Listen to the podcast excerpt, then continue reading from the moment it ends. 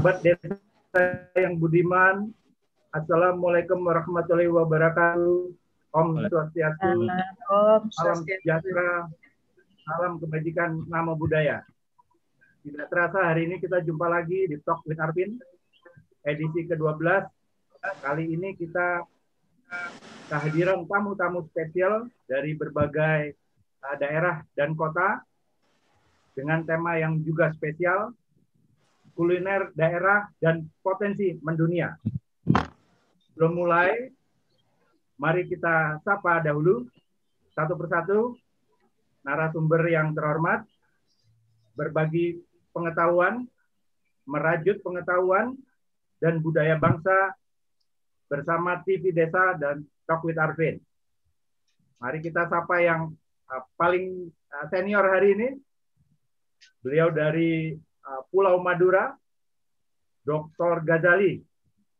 Apa kabar Dr. Ghazali? Alhamdulillah Ghazali. baik. Alhamdulillah baik. Beliau Alhamdulillah sehat-sehat di Madura. Beliau adalah seorang direktur PT Marinal Indo Prima, Chief Product, Prosesor, dan Eksportir. Sudah sejak lama. Dan juga pimpinan atau owner Basaraya Ikan dan uh, Camilan. Selamat datang di Talk with Arvin, Pak Dr. Ghazali. Senang Mari, bisa datang. Bertemu kasih. dan berdiskusi hari ini. Ya, terima kasih. Dan, terima kasih, sama-sama. Kita sapa dari Bali dan Pasar, Mbak Eka, saya panggilnya biasanya Ibu Maria Karisti. Apa kabar, Ibu Eka? Baik, baik, baik. Terima kasih sudah diajak bergabung kerabat desa. Kerabat Desa Budiman, beliau adalah seorang founder Dapur Eka, spesialis sambal. Dan juga yang unik adalah seorang sutradara dan juga produser film dan direktur Denpasar Film Festival. Tapi ahli uh, sambal. Terima kasih. Kita sapa Bunda Bunda Raya dari paling jauh hari ini dari Palembang atau Ibu Yus Elisa, apa kabar Bunda Raya? Sehat-sehat di Palembang? Alhamdulillah, Assalamualaikum kerabat desa. Alhamdulillah baik-baik saja dan terima kasih udah diajak bergabung di sini. Terima kasih kehadirannya Bunda Raya. Beliau adalah seorang ketua umum Aspenku, Asosiasi Pengusaha Kue dan Kuliner Sumatera Selatan. Dan juga seorang duta Aisumaki, anak Indonesia, suka makan ikan. Dan juga pernah menjadi juara satu Master Blue Band Sumatera Selatan. Luar biasa. Dan juga kita sapa dari Lombok, Kang Pao Iben Mudafar, seorang sarjana filosofi dan juga master humaniora ya. Apa kabar Kang Iben? Suaranya belum Alhamdulillah. Oke. baik. Ya, terima kasih kehadirannya. Wah, ini beliau seorang presiden Wah, Republik Seruput, sindikat. Ada Coffee Lab dan lain-lain. Juga seorang peneliti budaya dan penulis dan direktur Kick News. Selamat datang, Kang Iben. Dan juga hadir seorang ahli brand ya dan juga Direktur Magister Manajemen Universitas Erlangga, Dr. Gancar C. Premananto, SE, MM, CME. Apa Selamat kabar? siang. Alhamdulillah. Alhamdulillah Pak Arvin uh, masih gancar-gancar dan masih preman. Selamat siang kerabat desa semua yang super dan hebat. Uh, senang sekali bisa bertemu dengan uh, para ahli kuliner juga nih. Luar biasa. Terima kasih sudah diundang ke acara ini Pak Arvin. Barakallah. Hari ini kita bincang-bincang kuliner. Iya. Terima kasih. Pas jam makan uh, siang lagi Pak Arvin. Pas ya. Hari ini eh, so, uh, maaf, uh, Dr. Gancar adalah seorang co-founder uh, IBN, Indonesian Brand Network. Juga ketua program studi Magister Manajemen Universitas Erlangga. Dan juga ketua Pusat Kajian Sosiopreneur dan uh, Digipreneur Nah, Digipreneur ini termasuk kuliner ya, Pak Gancar ya? Ya, uh, yang kalau Digipreneur itu intinya kita entrepreneur yang di dunia digital sebetulnya Pak Arvin. Nah, maka ya. nanti menarik juga kita mungkin bisa diskusikan aplikasi apa nih yang bisa kita buat untuk uh, kuliner di Indonesia. Hmm. Uh, yang mungkin nanti bisa jadi mendunia juga nih karena kalau mau pesan pempeknya Bu, Bunda Raya bisa langsung kemudian melalui aplikasi itu. Mungkin kita bisa bekerja sama untuk membuat aplikasi seperti itu, Pak Arvin. Oke, siap-siap. Nanti kita diskusi. Ya. Kerabat desa yang budiman, hari ini kita kedatangan ahli-ahli kuliner spesial dari seluruh uh, pelosok Nusantara. Nah, kita diskusi seperti biasa, nanti juga bisa ada pertanyaan-pertanyaan antar narasumber. Di sini kita merajut pengetahuan dan budaya bangsa bersama-sama. Pak Dr. Ghazali. Ya. Ya. Ya Pak Arvin. Terima kasih. Uh, sebelum kita diskusi, saya ingin tanya-tanya tentang uh, perusahaan ekspor Bapak mungkin bisa sedikit cerita dahulu ke kerabat desa. Kita hari ini disiarkan live dua satelit, satelit Nusantara dan Telkom 4. Tentunya uh, pemirsa uh, parabola dan juga ditayangkan di Genflix aplikasi live YouTube. Tentu ingin tahu lebih jauh kira-kira uh, background uh, Pak Ghazali dan perusahaan ekspor foodnya. Silakan Pak Dr. Ghazali. Nah, terima kasih Pak Arwin. Pemirsa TV kerabat desa yang berbahagia, Alhamdulillah ya eh, kami bisa bergabung di eh, TV desa yang luar biasa ini sehingga bisa sharing, bisa sama-sama belajar. Pertama nanti saya ini ada pakar uh, Pak Ganjar mohon masukan nanti ya tentang usaha kami bisa dilihat nanti di basaraya.com dan Marinal Indo Prima karena mungkin ya, untuk pengembangan usaha kami. Inilah basic atau usaha yang uh, saya lakukan ini adalah berbasis perikanan dan kelautan. Berbasis perikanan dan kelautan. Yang paling dominan adalah uh, terinasi. Ya. Bahasa Maduranya kendunase atau dalam bahasa bahasa internasionalnya itu cirimen. Ya. Nah, inilah yang sebenarnya yang menjadi basic uh, usaha dan mungkin tidak dikenal di dalam negeri karena ini full ekspor. Ya. Usaha ini uh, dikirim ekspornya di Jepang dan Singapura. Ya.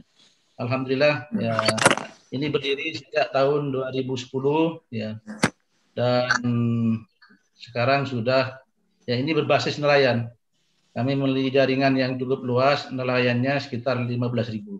Ya. 15 ribu di, tersebar di, di Madura, ada di Python, ada di juga di Tuban ya. ya. Terus alhamdulillah ini ya ini karena namanya teri mungkin saya ini juga masuk eh, pengusaha kelas teri masih karena sesuai dengan namanya ya. namanya. Nah ini ini adalah basic ekspor, tetapi karena kami ingin membantu MKM, maka uh, saya mendirikan Basaraya Ikan dan Camilan. Basaraya ikan dan camilan ini kalau yang Marinal Indo Prima itu untuk niatkan untuk memang pasar luar negeri, tetapi untuk Basaraya ikan dan camilan ini diniatkan untuk memajukan UKM. Ya, UMKM supaya menjadi UKM. Usaha mikro kecil menengah menjadi UKM. Usaha kami miliatan gitu ya. Itu niat kami ya. Dan ini alhamdulillah perkembangannya selama dua tahun ini eh, Basaraya telah tergabung 130 UMKM Madura. UMKM Madura dan dengan produk 2000-an. Ya, mungkin ini yang barangkali perlu dibantu nanti 2000-an yang nanti ini memang masih fokus dalam ekspor dalam negeri. nah, inilah yang yang dominan memang uh, bahan dari teri. Nanti saya sharekan itu ya. Dan alhamdulillah ini sudah ano. Jadi kenapa Basara ini adalah uh, ke depannya memang bantu UMKM ya.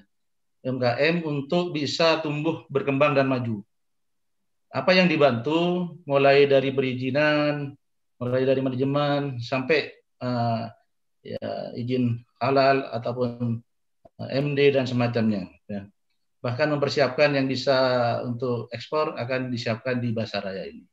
Nanti juga ada pengembangan di tahun ini, samping tempat pelatihan dan pengembangan UMKM juga ada kafe Basaraya. Nah, nanti mungkin bisa dilihat di www Basaraya. Ya, kalau di Google itu langsung muncul kayaknya Basaraya. Ya. Basaraya ikan dan camilan. Nah, inilah ikhtiar kami yaitu membangun jaringan internasional, tapi juga membangun UMKM supaya UMKM bisa maju dan berkembang. Itulah pengantar pertama ya, Pak Arwin ya. Luar biasa. Mungkin bisa uh, langsung saya share nanti Pak Arwin ya. Ya, bagaimana? Bisa share lagi anunya uh, bisa, tampilan. Bisa. Nanti, kita, nanti kita diskusi lagi kembali. Terima kasih Pak Dokter Gazali. Ya. Luar biasa. Hmm. Itu sudah ekspor ke mana saja hmm. Pak Dokter? Yang banyak 100% ke Jepang, Pak. Ke Jepang ya. Pasar ya. khususnya di Jepang atau sudah Jepang, di, ya. di mana lagi selain Jepang? Di Singapura, Pak. Singapura ya. Oh, Singapura. Oke. Okay. Ya. Kerabat desa kita ketahui bersama bahwa ekonomi uh, kreatif Indonesia mungkin 40 persennya lebih sudah uh, di bidang kuliner, ya, mostly di bidang kuliner. Dan tadi dijelaskan oleh uh, Pak Pak Gazali, Pak Dr. Gazali, uh, bagaimana menyerap uh, UKM yang uh, ribuan tadi, ya, memang jumlah tenaga kerja di sektor industri kuliner itu bahkan sampai puluhan juta saat ini. Jadi uh, kita pahami bahwa industri kuliner menjadi uh, penopang ekonomi nasional. Luar biasa, uh, Dr. Ghazali yang juga memberikan uh, devisa menjadi pahlawan devisa dari sektor kuliner. Nah, uh, Pak Gancar, bagaimana uh, kira-kira uh, menurut pendapat uh, Dr. Gancar? Tentang apanya nih Pak Arvin? Tentang uh, ekspor Dr. Ghazali, apakah cukup sampai Jepang saja atau bisa didiversifikasi brandnya menjadi lebih ya. spektakuler lagi? Ya, saya kira gini, oh, di masa WFH ini kan pada dasarnya kita tidak bisa menghentikan makan. Uh, pekerjaan bisa jadi di, terhenti, tapi makan kan tidak bisa terhenti. Kita tetap butuh makan. Dan pasar ekspor itu sering kali juga tertutup untuk pengiriman, tapi untuk kebutuhan makanan itu bisa jadi tetap bisa terbuka. Nah, beberapa negara itu uh, juga masih membuka untuk makanan yang berbahan baku ikan seperti milik Pak Ghazali ini. Kenapa? Karena kalau untuk yang daging-dagingan itu nanti biasanya tambah mahal. Nah, okay. untuk yang ikan itu saya kira yang masih bisa terjangkau oleh masyarakat. Jadi pasarnya memang masih sangat terbuka nih di luar negeri. Itu jadi dari pengalaman uh, yang ada, saya kira Pak Pak Gaz, uh, Dr. Ghazali sudah punya pengalaman luar biasa lah bagaimana cara memasarkan. Nanti yang ditakutkan kan bisa jadi eh, pasarnya memang sangat terbuka untuk memasarkan ke daerah lain, tapi bagaimana menyiapkan UKM-nya itu karena kan kita bicara masalah standar nantinya Pak Arvin. Ya. Jadi kalau kemudian kita mengirimkan dan kemudian tidak sesuai standar kesehatan, standar dari negara tersebut, maka bisa runyam nanti urusannya. Kalau kembali ruginya juga besar juga nantinya. Ya, maka bagaimana untuk menyiapkan para nelayan yang di Indonesia UKM-UKM itu untuk kemudian bisa diajak partisipasi oleh Pak Dr. Ghazali, saya kira eh, salah satu arahnya yang bisa dibangun ke sana tuh penyiapan. Ya. Karena masalah ukuran yang sama, kualitas yang bagus, penyimpanan yang bagus, saya kira itu menjadi tantangannya. Bukan begitu ya Pak Ghazali ya? Ya bagaimana? Ya, betul Pak, betul sekali Pak Ghazali. Betul. Jadi standar mutu itu kalau ekspor merupakan hal yang paling utama. Betul. Ya. Jadi ini bukan hanya masalah branding Pak Arvin, karena kalau untuk B2B saya kira masalah kualitas itu yang kemudian harus terjamin. Kalau untuk B2C kita bisa untuk bicara masalah branding dari produknya. Tapi kalau untuk B2B saya kira branding dari korporasinya itu yang penting dan ini jaminan perusahaannya Pak Ghazali ini yang juga harus dijaga juga untuk itu bagaimana Pak Ghazali menyiapkan UMKM untuk mitranya ini yang sangat penting. Jadi ya, pembekalan ya. hal itu saya kira Pak Arvin. Luar biasa. Uh, Pak Ghazali, tadi saya sempat uh, mendengar sekilas bahwa akan membuka uh, kafe Basaraya. Itu sudah dibuka atau baru akan dibuka? Ini baru akan dibuka. Jadi konsep Basaraya ini sekarang masih semacam UKM Match. Jadi tempatnya uh, produk-produk UMKM Madura. Jumlahnya itu 2000 item, 2000 macam dan dan yang tergabung di situ ada 130 pelaku UMKM. Dan Karena, nanti konsepnya itu sudah ada tempatnya tinggal uh, pengembangan uh, di akhir tahun ini ya. Ada kafe Basaraya akan dibuka di mana Pak? di tempat yang sama. Mungkin hanya nanti di tempat itu ada terintegrasi gitu ya. Oh, ada listing, ya, ada kafe dan ada untuk tempat pelatihan UMKM. Ya. ya. Nah, Pak jadi Ganjar, pelatihannya selain untuk bantu dana. Ya. ya. Pak Ganjar, uh, saya melihat bahwa kafe ini akan dibuka di wilayah integrasi ekspornya. Tentu ya. menarik ya. ini tidak saja menjadi wisata kuliner, tapi bisa menjadi sebuah wisata uh, gastronomi. Yeah, ya, karena yeah. di sana dipelajari uh, hulu hilirnya. Ya, bagaimana uh, wisatawan bisa datang ke Madura, datang ke tempat Pak Dr. Ghazali, ya mempelajari uh, segala warisan uh, dan filosofi uh, produknya Pak Ghazali menjadi sebuah wisata gastronomi, tidak saja wisata kuliner. Bagaimana ya. kira-kira yeah. Pak Dr. Ganjar? Ya, saya kira menarik. Jadi pasar yang berusaha dibidik oleh Pak Dr. Ghazali bukan hanya di untuk sektor B2B, tapi sekarang sudah masuk ke B2C. Itu menjadikan pasar yang apa di luar negeri yang tadi butuh kualitas tinggi, nanti kita bisa buatkan eh, bisa uh, dibuatkan uh, untuk pasar yang tidak terlampau me, mengharapkan ya kualitas tinggi, kemudian standar kesehatan, standar ini kemudian bisa uh, ke pasar yang berbeda. Nah, UKM yang kemudian jadi binaan Pak Ghazali ini tentunya produknya ini berbeda kualitas nih.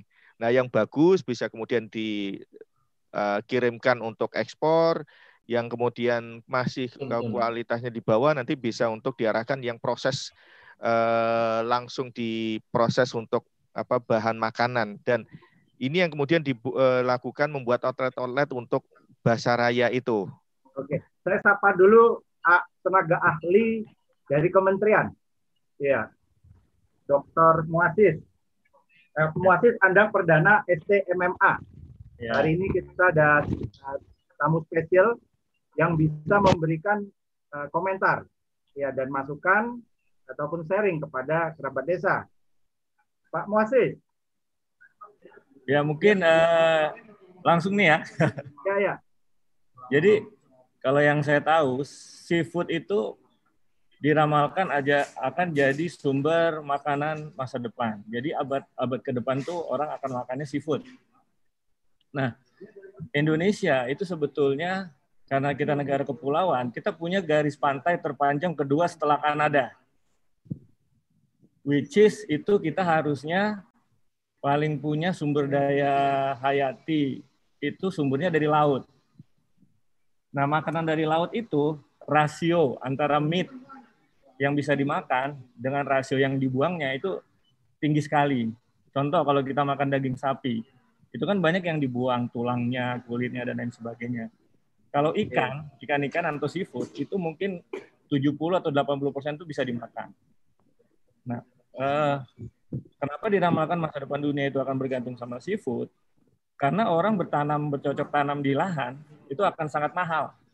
Sementara kalau orang bercocok tanam di laut, dalam artian ini aquaculture, nah itu adalah potensi di masa depan.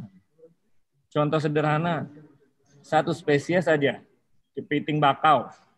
Kepiting bakau itu spesies asli Indonesia, salah satu kepiting yang paling enak.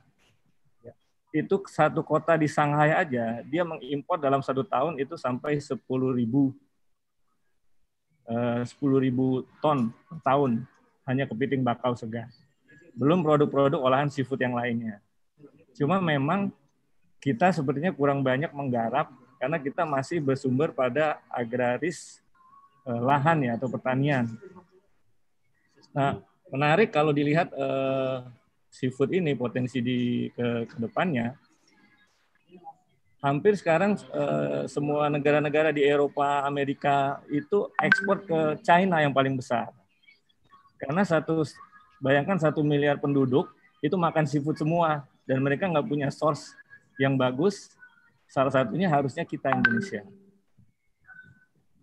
Dan yang banyak orang nggak tahu, contoh tadi produknya Pak Rosalia, saya baca tadi di web, ada milk fish atau ikan bandeng. Ikan bandeng itu omega 3-nya 5 kali dari salmon. Luar biasa. Tapi orang nggak tahu. Orang menganggapnya keren kalau makan salmon di restoran dengan harga mahal. Padahal nilai gizinya nggak ada apa-apanya sama bandeng baik kalsiumnya maupun omega. Omeganya itu jauh. Nah, bagaimana caranya kita promosi ini branding milk fish agar bisa mendunia seperti ikan salmon? Norwegia itu GDP keduanya dari aquaculture. Dulu dia GDP-nya bersumber dari oil and gas. Sekarang dia GDP-nya sudah hampir sama dengan aquaculture karena dia ekspor salmon ke seluruh dunia. Nah, bisa nggak kita kayak gitu? Contoh satu aja ikan bandeng. Karena kita sudah sudah punya ekspertis di daerah-daerah baik perusahaan besar UKM untuk budidaya bandeng. Ya. Tapi gimana caranya orang seluruh dunia makan bandeng seperti orang seluruh dunia makan salmon? Gitu. Ya ini ini apa bahan diskusi nih. Belum naik kelas ya Pak Muasis? Iya. Luar biasa. Pak Muasis, beliau kerabat desa, beliau juga seorang uh, tenaga ahli di uh, Kementerian Koperasi UKM. Ya, tentunya banyak sekali pengalaman yang bisa dibagi hari ini. Nah, kembali uh, soal ikan. Nah, kita di sini ada Bunda Raya, ikan pempek ya. Ikan tadi budaya Bunda Raya sempat cerita-cerita uh, sedikit sebelum acara mulai pempek itu kombinasi dari gabus ya uh, sama tenggiri harus dikombinasi. Nah, uh, kita sapa dulu Bunda Raya. Bunda Raya, Bunda Raya. Ya. Ya. Siap. Assalamualaikum. Nah, Bunda Raya, uh, mungkin uh, cerita-cerita dulu tentang pempeknya. Ya, oke. Okay. Selamat siang untuk uh, para narasumber yang hebat-hebat ini. Sebenarnya Bunda agak mundur ke belakang ini. Jadi salam kenal untuk semua. Uh, jadi uh, pempek sendiri ini sangat ketergantungan dengan ikan terutama ikan tenggiri dan ikan uh, gabus kalau di sini. Uh, kalau ikan gabus ini lokal, jadi kita ada peternakannya cukup banyak. Uh, kalau ikan tenggiri kita tetap mendatangkan dari beberapa kota uh, seperti Jakarta dan lain-lain itu. Ya. Kalau pempek sendiri itu memang kita gabungan dari dua ikan, uh, itu uh, ikan tenggiri sama ikan gabus. Karena memang uh, tekstur tenggiri dikenal cukup keras itu uh, dibandingkan dengan ikan gabus. Jadi untuk mendapat pempek yang enak dengan tekstur yang tepat itu digabungkan antara ikan uh, satu banding satu itu pak, antara ikan tenggiri sama ikan gabusnya. Satu banding satu. Kalau ya. tidak kombinasi kenapa Bu Bunda Raya? itu beda teksturnya kalau nggak kekerasan kelembutan dan itu sangat uh, bikin yang bikin atau bikin para pengrajinnya itu sangat kesulitan untuk membentuk uh, misalkan pempek telur itu itu kan harus teksturnya harus tepat kalau nggak tepat dia akan pecah itu nggak bisa direbus eh, atau dikukus itu pak nggak bisa diolah Oke, oke. Nah, Pak Moses, ini uh, pempek kan juga dari ikan. Ya tadi kan cerita ya. ikan badeng bisa di branding kemudian mendunia. Nah, bagaimana dengan pempek sendiri supaya lebih mendunia? Gimana? Saya rasa pempek kan juga sama-sama bergizinya. Tadi seperti Pak Muatis cerita ikan ya, ya. bergizi. Ya, betul. Banyak sangat tinggi betul. bisa dijual ke seluruh dunia. Ya. ya. Seperti Norwegia. Ya. Nah, pempek sendiri ya, gimana? Ikan kan juga dari ikan ini. Buah ya, ikan sebenarnya ya. Pempek itu kan kalau orang makan kan ada beberapa parameter. Rasa pertama, Kemudian kedua tekstur, ya kan. E, ketiga kelezatannya itu apakah itu gurih, asin, manis. Kalau menurut saya pempek itu e, secara tekstur itu dekat ke somai. Base-nya ya, dia ada campuran tepung, terigu dan Iya. Nah, secara base rasa dia base-nya seafood, ikan. Jadi sebetulnya dia punya kans besar untuk kita promosi jadi makanan dunia. E, misalnya menggantikan somai base-nya udang yang dari luar gitu ya atau makanan-makanan Jepang yang base-nya juga semua ikan ya kayak nigiri, sashimi, sushi itu kan sebetulnya cuma ikan di di apa orang Jawa dikeremes-keremes sama nasi aja gitu kan dan pempek itu eh, mudah dikirim ya secara logistik kan dia udah udah ready ready to cook gitu ya. cuma memang eh, di kita nih kendala utamanya sebetulnya di masalah promosi ya, di masalah promosi sama pemasaran. Kadang kita, apalagi UKM itu kita nggak tahu gimana caranya bisa masuk pasar ekspor. Jadi senior-senior kita seperti Pak Ghazali ini, alhamdulillah kalau membina UKM, moga-moga nanti UKM-nya pada naik kelas dan pada belajar semua. Masih UKM pempek ya? Ya.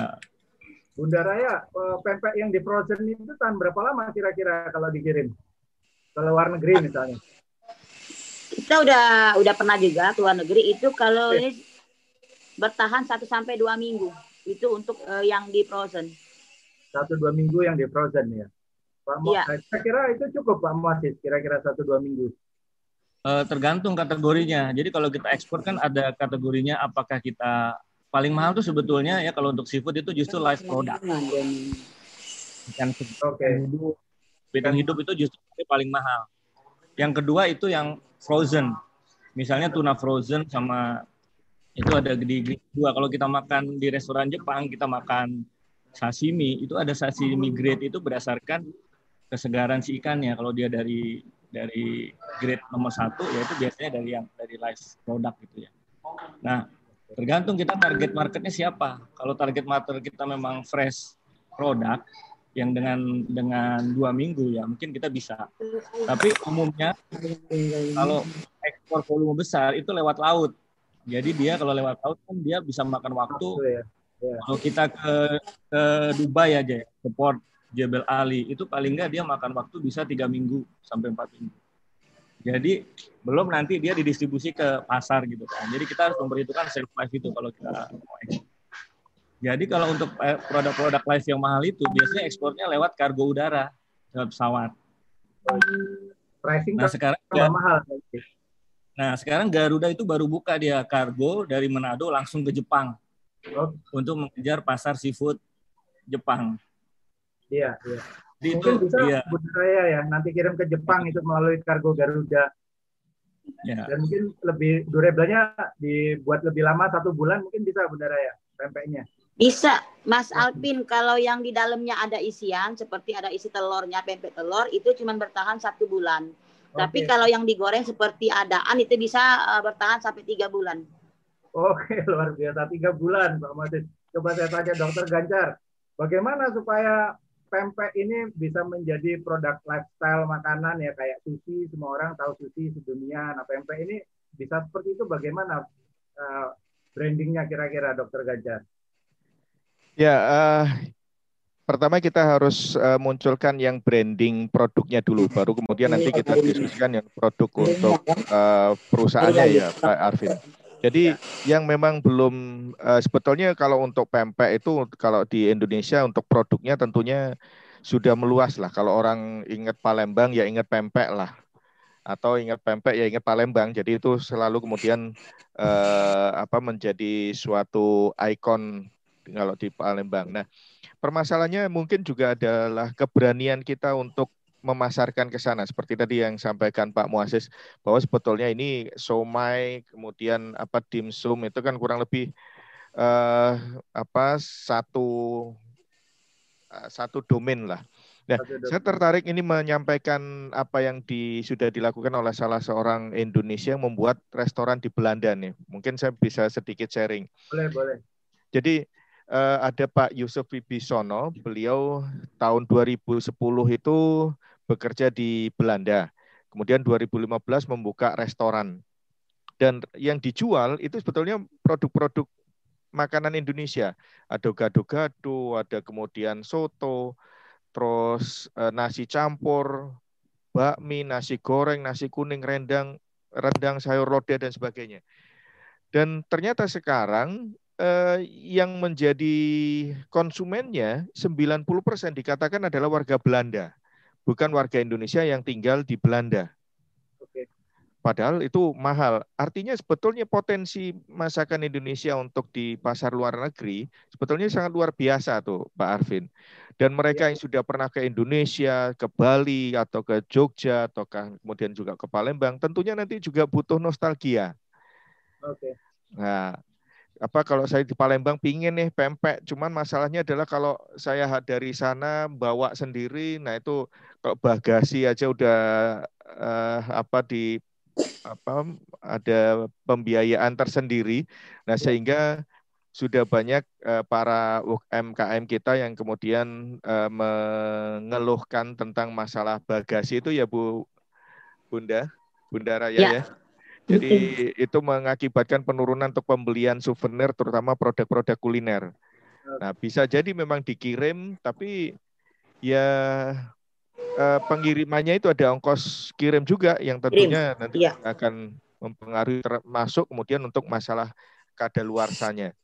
Nah, Uh, ini makanya mungkin sebetulnya kita bisa diskusikan kalau ada yang berani untuk memasarkan membuka resto di luar negeri sebetulnya bisa cuman ya itu tadi memang butuh keberanian dan juga butuh pemenuhan terhadap standar-standar kesehatan prosedur-prosedur yang berlaku di sana itu saya kira jadi saya kira sangat bisa lah untuk uh, memunculkan itu dan teman kita yang di Belanda itu juga membuat nama restorannya Resto Mas Surabaya agar orang ada yang pernah ke Surabaya itu ada nostalgianya.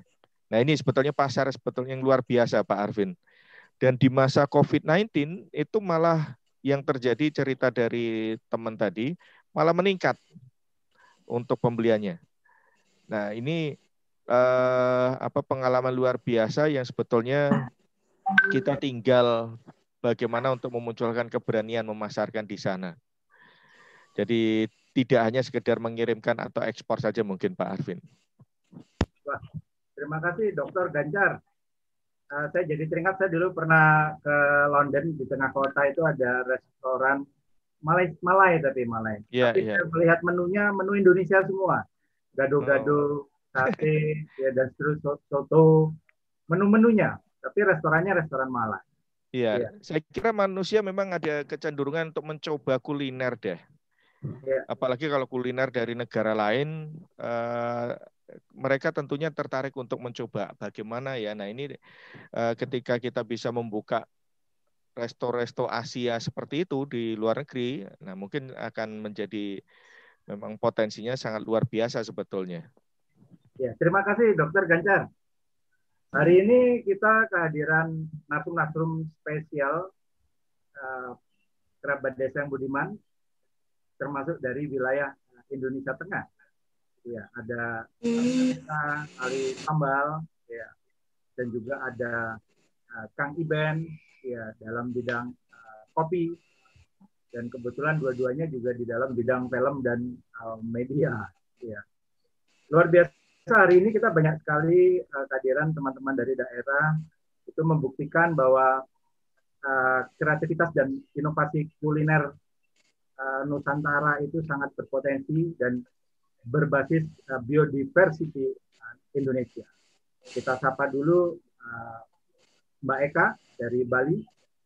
Ya, kebetulan saya sudah mencoba uh, sambalnya. Jadi Mbak Eka ini spesialis apa pun sambalnya. Jadi kemarin saya makan nasi dan sambal saja cukup. Ternyata saya coba ya betul nasi dan sambal kok sudah enak. Jadi saya betul-betul makan nasi dan sambal. Sampai Tambah kerupuk satu. biasanya Pak Arvin. Nasi, ah, sambal, kerupuk. Pak. Kebetulan lagi nggak ada kerupuknya. Nah kita sapa dulu Mbak Eka. Mungkin cerita-cerita dulu apa itu dapur Eka. Mungkin ada yang mau ditayangkan videonya. Videonya dulu kali ya Mas ya. Ya. ya. dulu.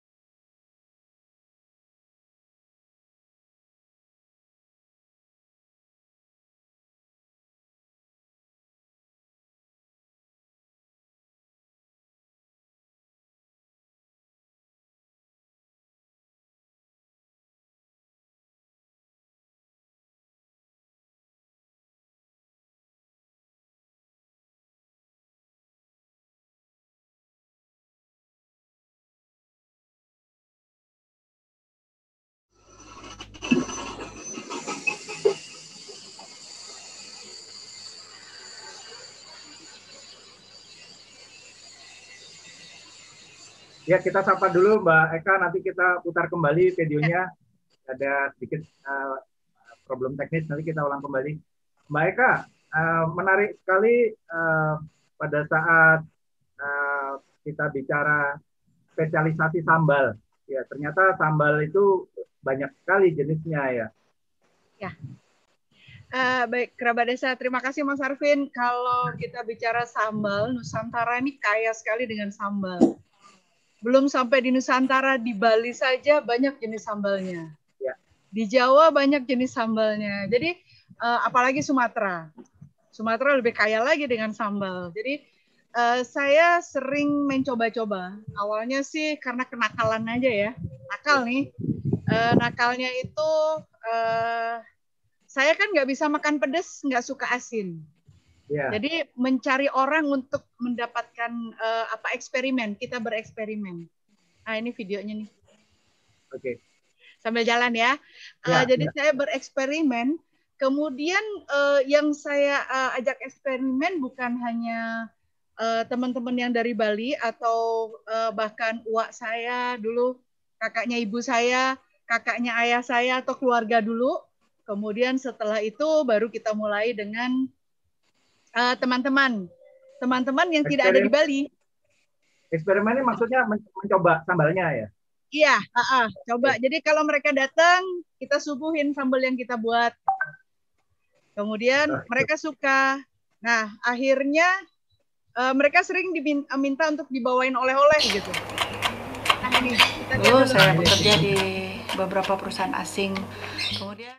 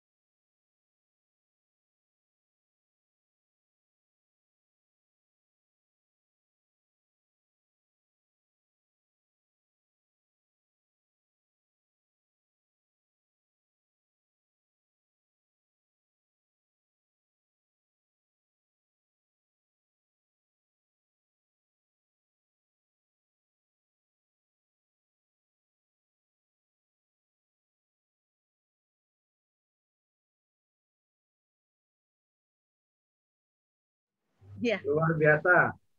Luar biasa. Kemarin saya coba dua botol sambal ya, sambal matah ya, sambal matah, ya. sambal merah itu luar biasa. Coba ditunjukkan dulu botolnya.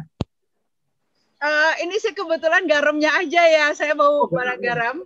Jadi ya. garamnya itu dari Kusamba, dari uh, apa namanya Pantai Kusambe itu ya. di Kabupaten Klungkung.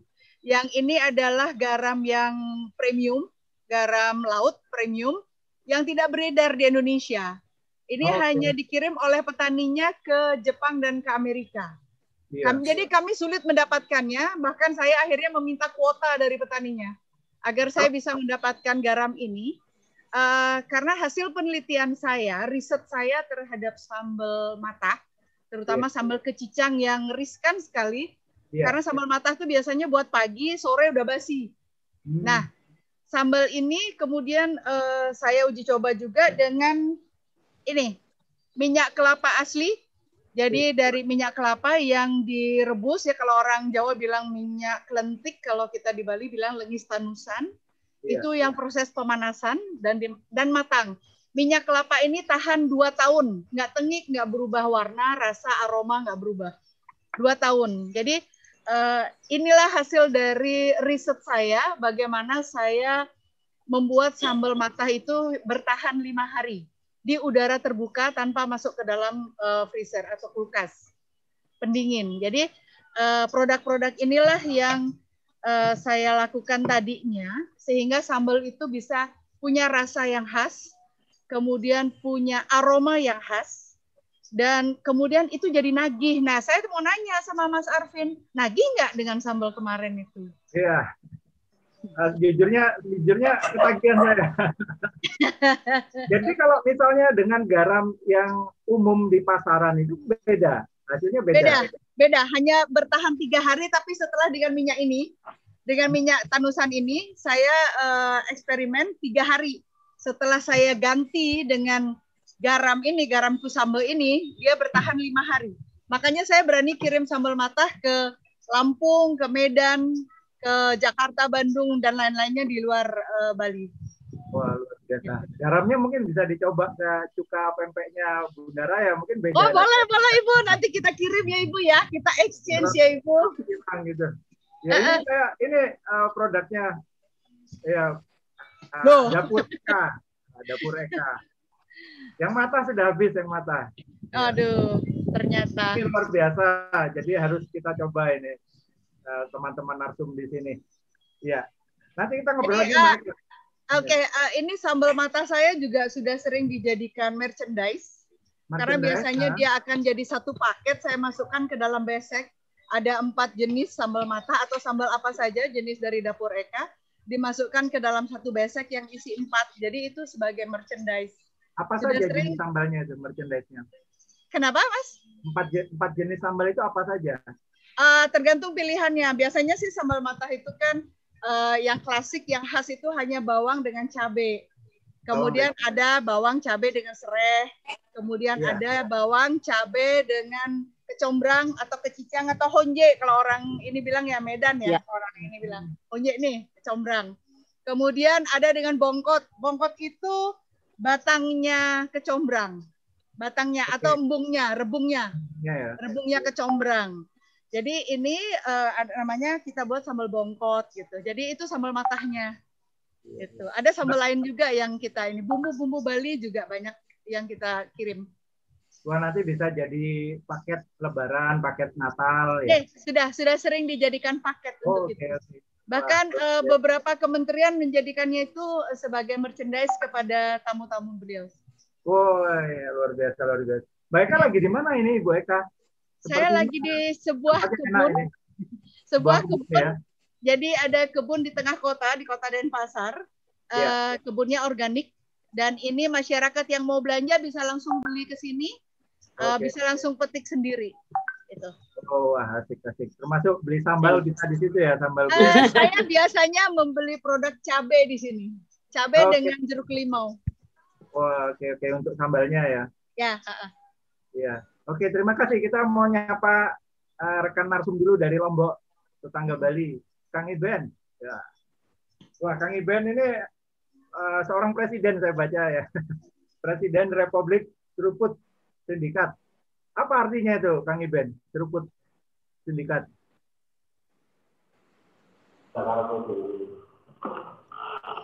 Presiden Sakar PDW.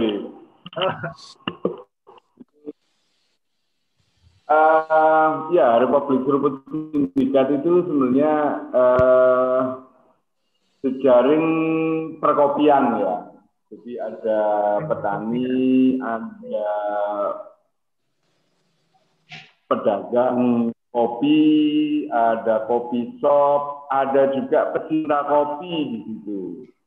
Oke. Jadi semua ya semua yang berkaitan dengan kopi itu coba kita hubung-hubungkan gitu ya. Kita sambung-sambungkan. Nah, kalau bicara Indonesia ini kan dengan eh, tujuh belas ribu pulau, enam ribu terhuni, sekian ribu etnis, itu kan kalau bicara potensi sangat luar biasa gitu ya. Dan salah satu yang menjadi uh, yang sekarang ini lagi tren itu kan kopi ya. Meskipun sebenarnya itu uh, sejak zaman kolonial, sejak zaman dulu ya manusia membutuhkan kopi gitu. Dan ya saya memang lebih expert ke kopi gitu meskipun uh, juga melakukan riset, melakukan pendampingan, melakukan ke banyak hal termasuk uh, dunia kemaritiman, nelayan kalau kita bicara Indonesia Timur itu kan potensinya sangat luar biasa di bidang uh, perikanan, kelautan gitu. Ya. Tapi memang uh, untuk sementara saya lebih spesifik ke kopi gitu. Nah, kalau kita bicara makanan pada umumnya kan tadi saya apa namanya? Saya lihat ada dua ada dua hal penting gitu ya. Bagaimana supaya kuliner itu mendunia, kuliner Nusantara itu mendunia gitu uh, ada dua, uh, kita mengirim makanan ke luar negeri atau orang datang berburu makanan ke wilayah kita, gitu ya. Betul. Uh, dua-duanya punya problem, dua-duanya punya problem. Gitu. Mengirim kuliner kita ke luar negeri itu sangat rumit, sangat susah. Kira teman-teman uh, yang pernah melakukan ekspor bahan-bahan makanan itu selalu mentok di persoalan baik regulasi dalam negeri maupun regulasi negara tujuan gitu ya.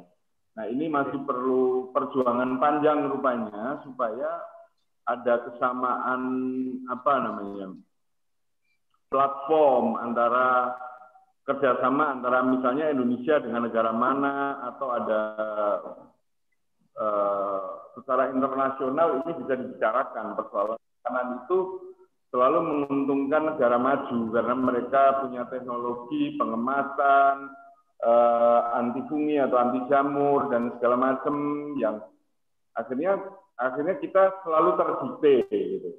Oke. Okay. Uh, nah, kendala-kendala ini belum lagi nanti kita bicara tentang quality control di dalam seperti tadi sudah di disampaikan oleh Pak Ganjar, oleh teman-teman yang lain gitu. Misalnya ukuran ikan di tingkat petani apa nelayan saja susah sekali gitu. Bagaimana bagaimana menjaga quality control uh, di tingkat produksi, terutama di petani nelayan itu akan sangat sulit. Itu juga yang saya temui di dunia perkopian gitu ya. Uh, sekarang serapan kopi dunia itu sangat besar. Jadi kalau penduduk dunia itu kira-kira 5 miliar, 2 miliarnya saja minum kopi, sehari satu cangkir bisa dibayangkan kebutuhan kopi seluruh dunia. Dan itu juga berlaku di Indonesia. Gitu. Kebutuhan kopi dunia hanya mencukupi sekitar eh, tidak nyampe dua eh, tiga bulan. Gitu.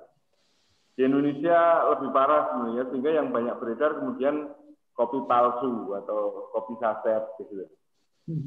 Nah, uh, dari sisi produksi saja peluangnya cukup besar, apalagi nanti kalau kita uh, bedah lebih spesifik persoalan uh, kualitas, persoalan sasaran pasar yang segala macamnya itu sangat sangat luar biasa gitu. Bahwa yang saya lihat kalau kalau kami di Lombok, eh, Mbok Ika di Bali gitu mungkin karena ini wilayah destinasi wisata internasional gitu ya.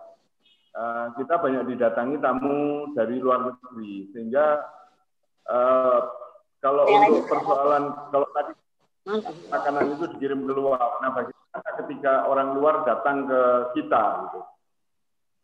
Nah kalau orang luar datang ke kita untuk wilayah-wilayah tertentu yang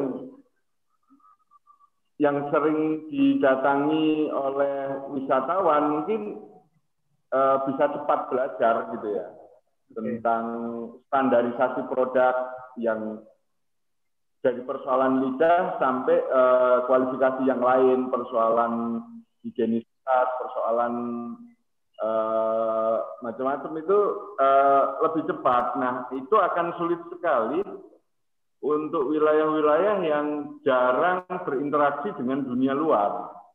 Nah, kadang-kadang produk-produk uh, pariwisata itu kan harus mengambil dari daerah lain yang yang di situ standarisasi produknya akan sangat rumit sekali gitu. Iya. Yeah. Ya, problemnya di situ.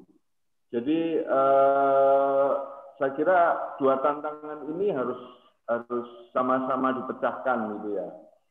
Uh, saya kira tidak hanya kopi, semua semua jenis kuliner kita kalau kita ngomong potensi jangan diragukan.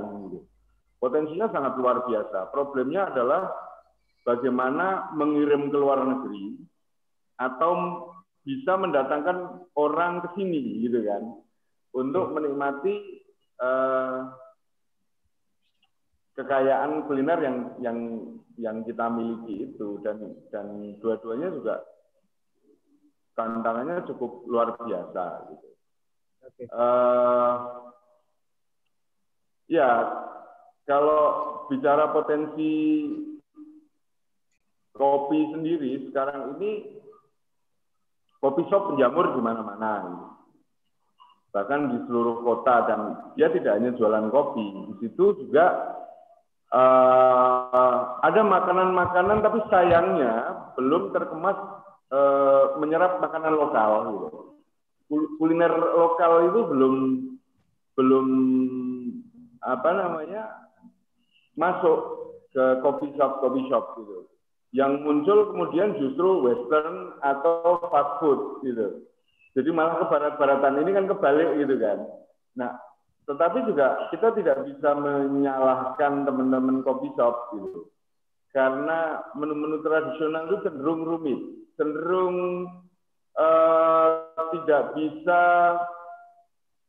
apa namanya, seleranya juga tidak universal.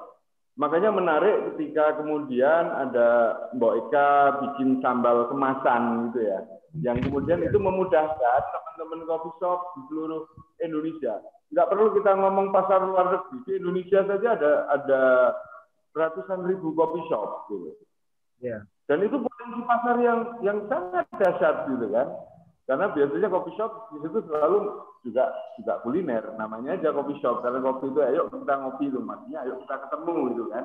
Yeah. Tapi itu juga potensi pasar yang yang luar biasa. Tapi uh, sejauh ini saya lihat coffee shop coffee shop kan persoalan bangga lebih bangga ke barat-baratan, tapi memang produk-produk lokal itu sulit sekali menemukan standarisasi yang bagus, kemudian apa ya mendapatkannya juga nggak mudah.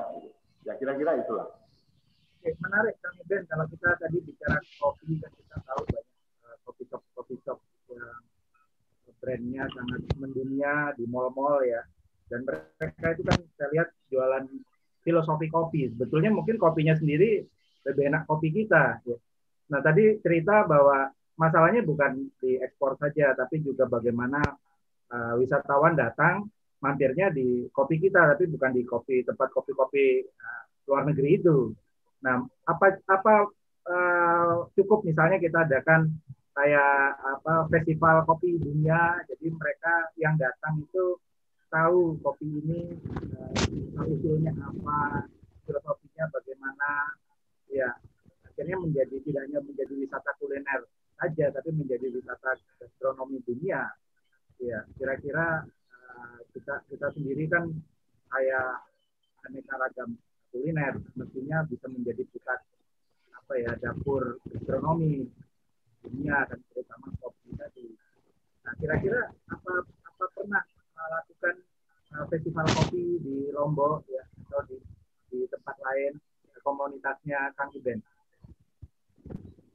Uh, kalau bicara promosi kan banyak banyak jalannya ya.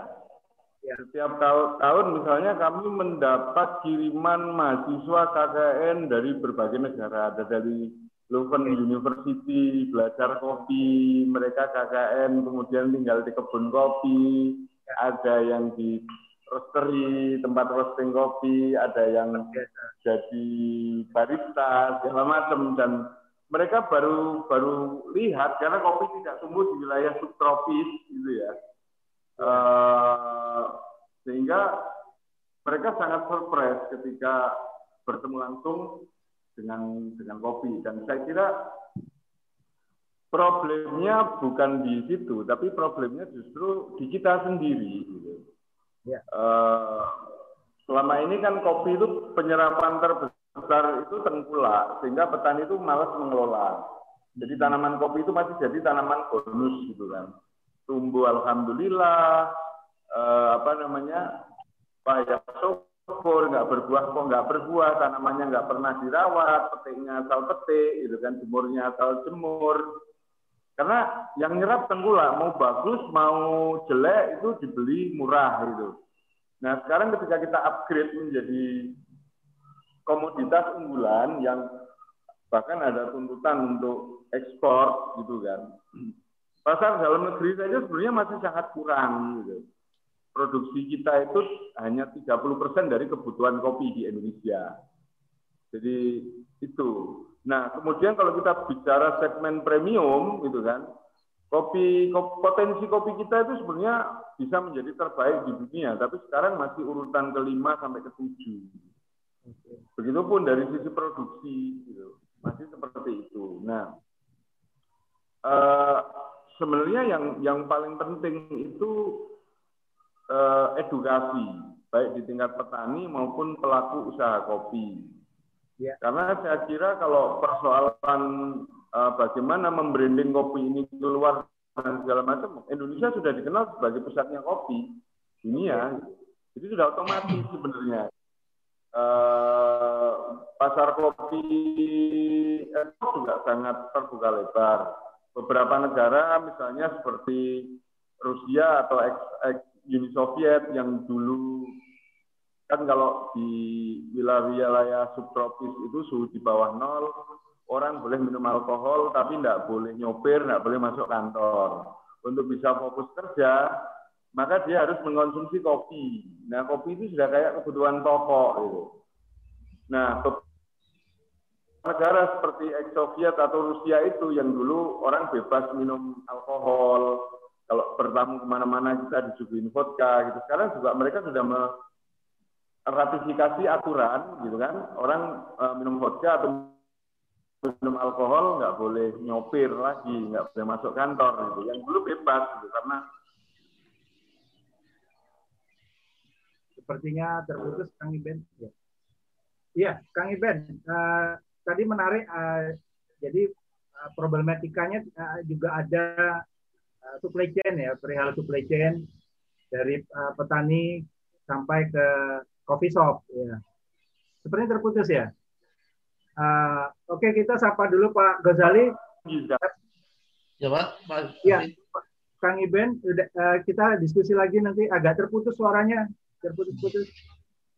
Pak Ghazali, ya. sebagai seorang eksportir, kira-kira bagaimana uh, pendapat Pak Ghazali potensi dari uh, ada sambal, ada kopi Indonesia, ada pempek. Saya nggak nyebut pempek Palembang, tapi pempek Indonesia. Ya. Untuk uh, menjadi produk ekspor seperti yang Pak, Pak Gozali lakukan. Kira-kira ada potensinya seperti apa? Ya, terima kasih Pak Arwin. Ya, Sebenarnya semua produk itu berpotensi untuk diekspor. Okay. Persoalannya adalah tentang standarisasi yang disampaikan Pak Ganjar. Standarisasi itu ada dua sebenarnya, kualitas dan kuantitas. Ya. Termasuk konsistensi rasa itu termasuk ya? Iya, jadi nanti gini, jadi nanti rasa itu sebenarnya harus standar terus, rasanya asin, asin semua gitu ya. Jangan ada yang asin, jangan ada yang kecut, ada yang manis gitu. Jadi harus sesuai dengan kemasannya, spesifikasinya. Contoh misalnya ya. Kenapa saya katakan ada semacam kualitas dan kuantitas? Kemarin saya ada pesanan seribu. Nah, ini kadang-kadang PMKM itu tidak bisa memenuhi untuk hal yang semacam itu. Contohnya misalnya ya, satu kontainer itu kan banyak. Nah, bisakah UMKM itu memenuhi kuantitasnya? Inilah yang kadang-kadang masih sulit. Ya, masih bermain di kuantitas yang sedikit. Nah, dan susah Indonesia itu tentang standar kualitasnya. Kadang-kadang kirim pertama ya, kadang-kadang kirim pertama sudah standar, kirim keduanya sudah berubah. Nah, inilah yang kadang-kadang susah orang Indonesia seperti itu, Pak. Kalau kopi kan lebih standar mungkin. Kalau sambalnya Mbak Eka sama pempek mungkin masih bisa saya tidak tahu apa berubah apa konsistensi rasanya. ya. Standar itu bisa kekeringan misalnya kalau ekspor kopi misalnya ya. Bisa saja standar kadar airnya sekian. Nah, itu kadang-kadang ngirim lagi berubah lagi. Kadang-kadang itu menjadi persoalan. Ya. ya. Apalagi partai besar ya. UMKM kita itu lemah dalam ketika memproduksi banyak gitu ya. Nah, jadi ini adalah persoalan ketika kemarin saya ada permintaan seribu, itu MKM kewalahan untuk buat banyak seperti itu. Apalagi membuat satu kontainer misalnya ya. Saya pikir ini persoalan gitu ya. Saya lihat tadi Mbak Eka sudah punya standar garam, garamnya harus itu. Ya, terus Bunda Raya juga ikannya harus kombinasi, kemudian ada presentasi kombinasinya berapa banding berapa. Saya rasa sudah menjadi modal ekspor ke depan ya Pak Ghazali ya. Sudah, ya bisa itu jadi. Jadi, jadi harus konsisten standarnya itu. Ya, ya. Terima kasih. Coba uh, kita tanya uh, ahli branding dari uh, Universitas Erlangga. Ya, kira-kira bagaimana potensi uh, produk kawan-kawan hari ini? Ya, ada kopi, ada pempek, ada sambal. Ya, selain rasa, apakah cukup? Apakah harus branding yang powerful juga untuk menjadi produk yang di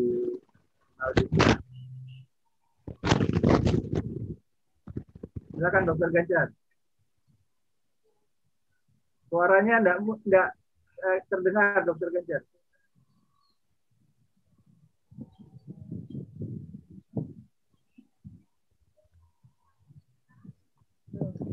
Sudah masuk? Ya, oke, okay, sudah sudah masuk. Baik.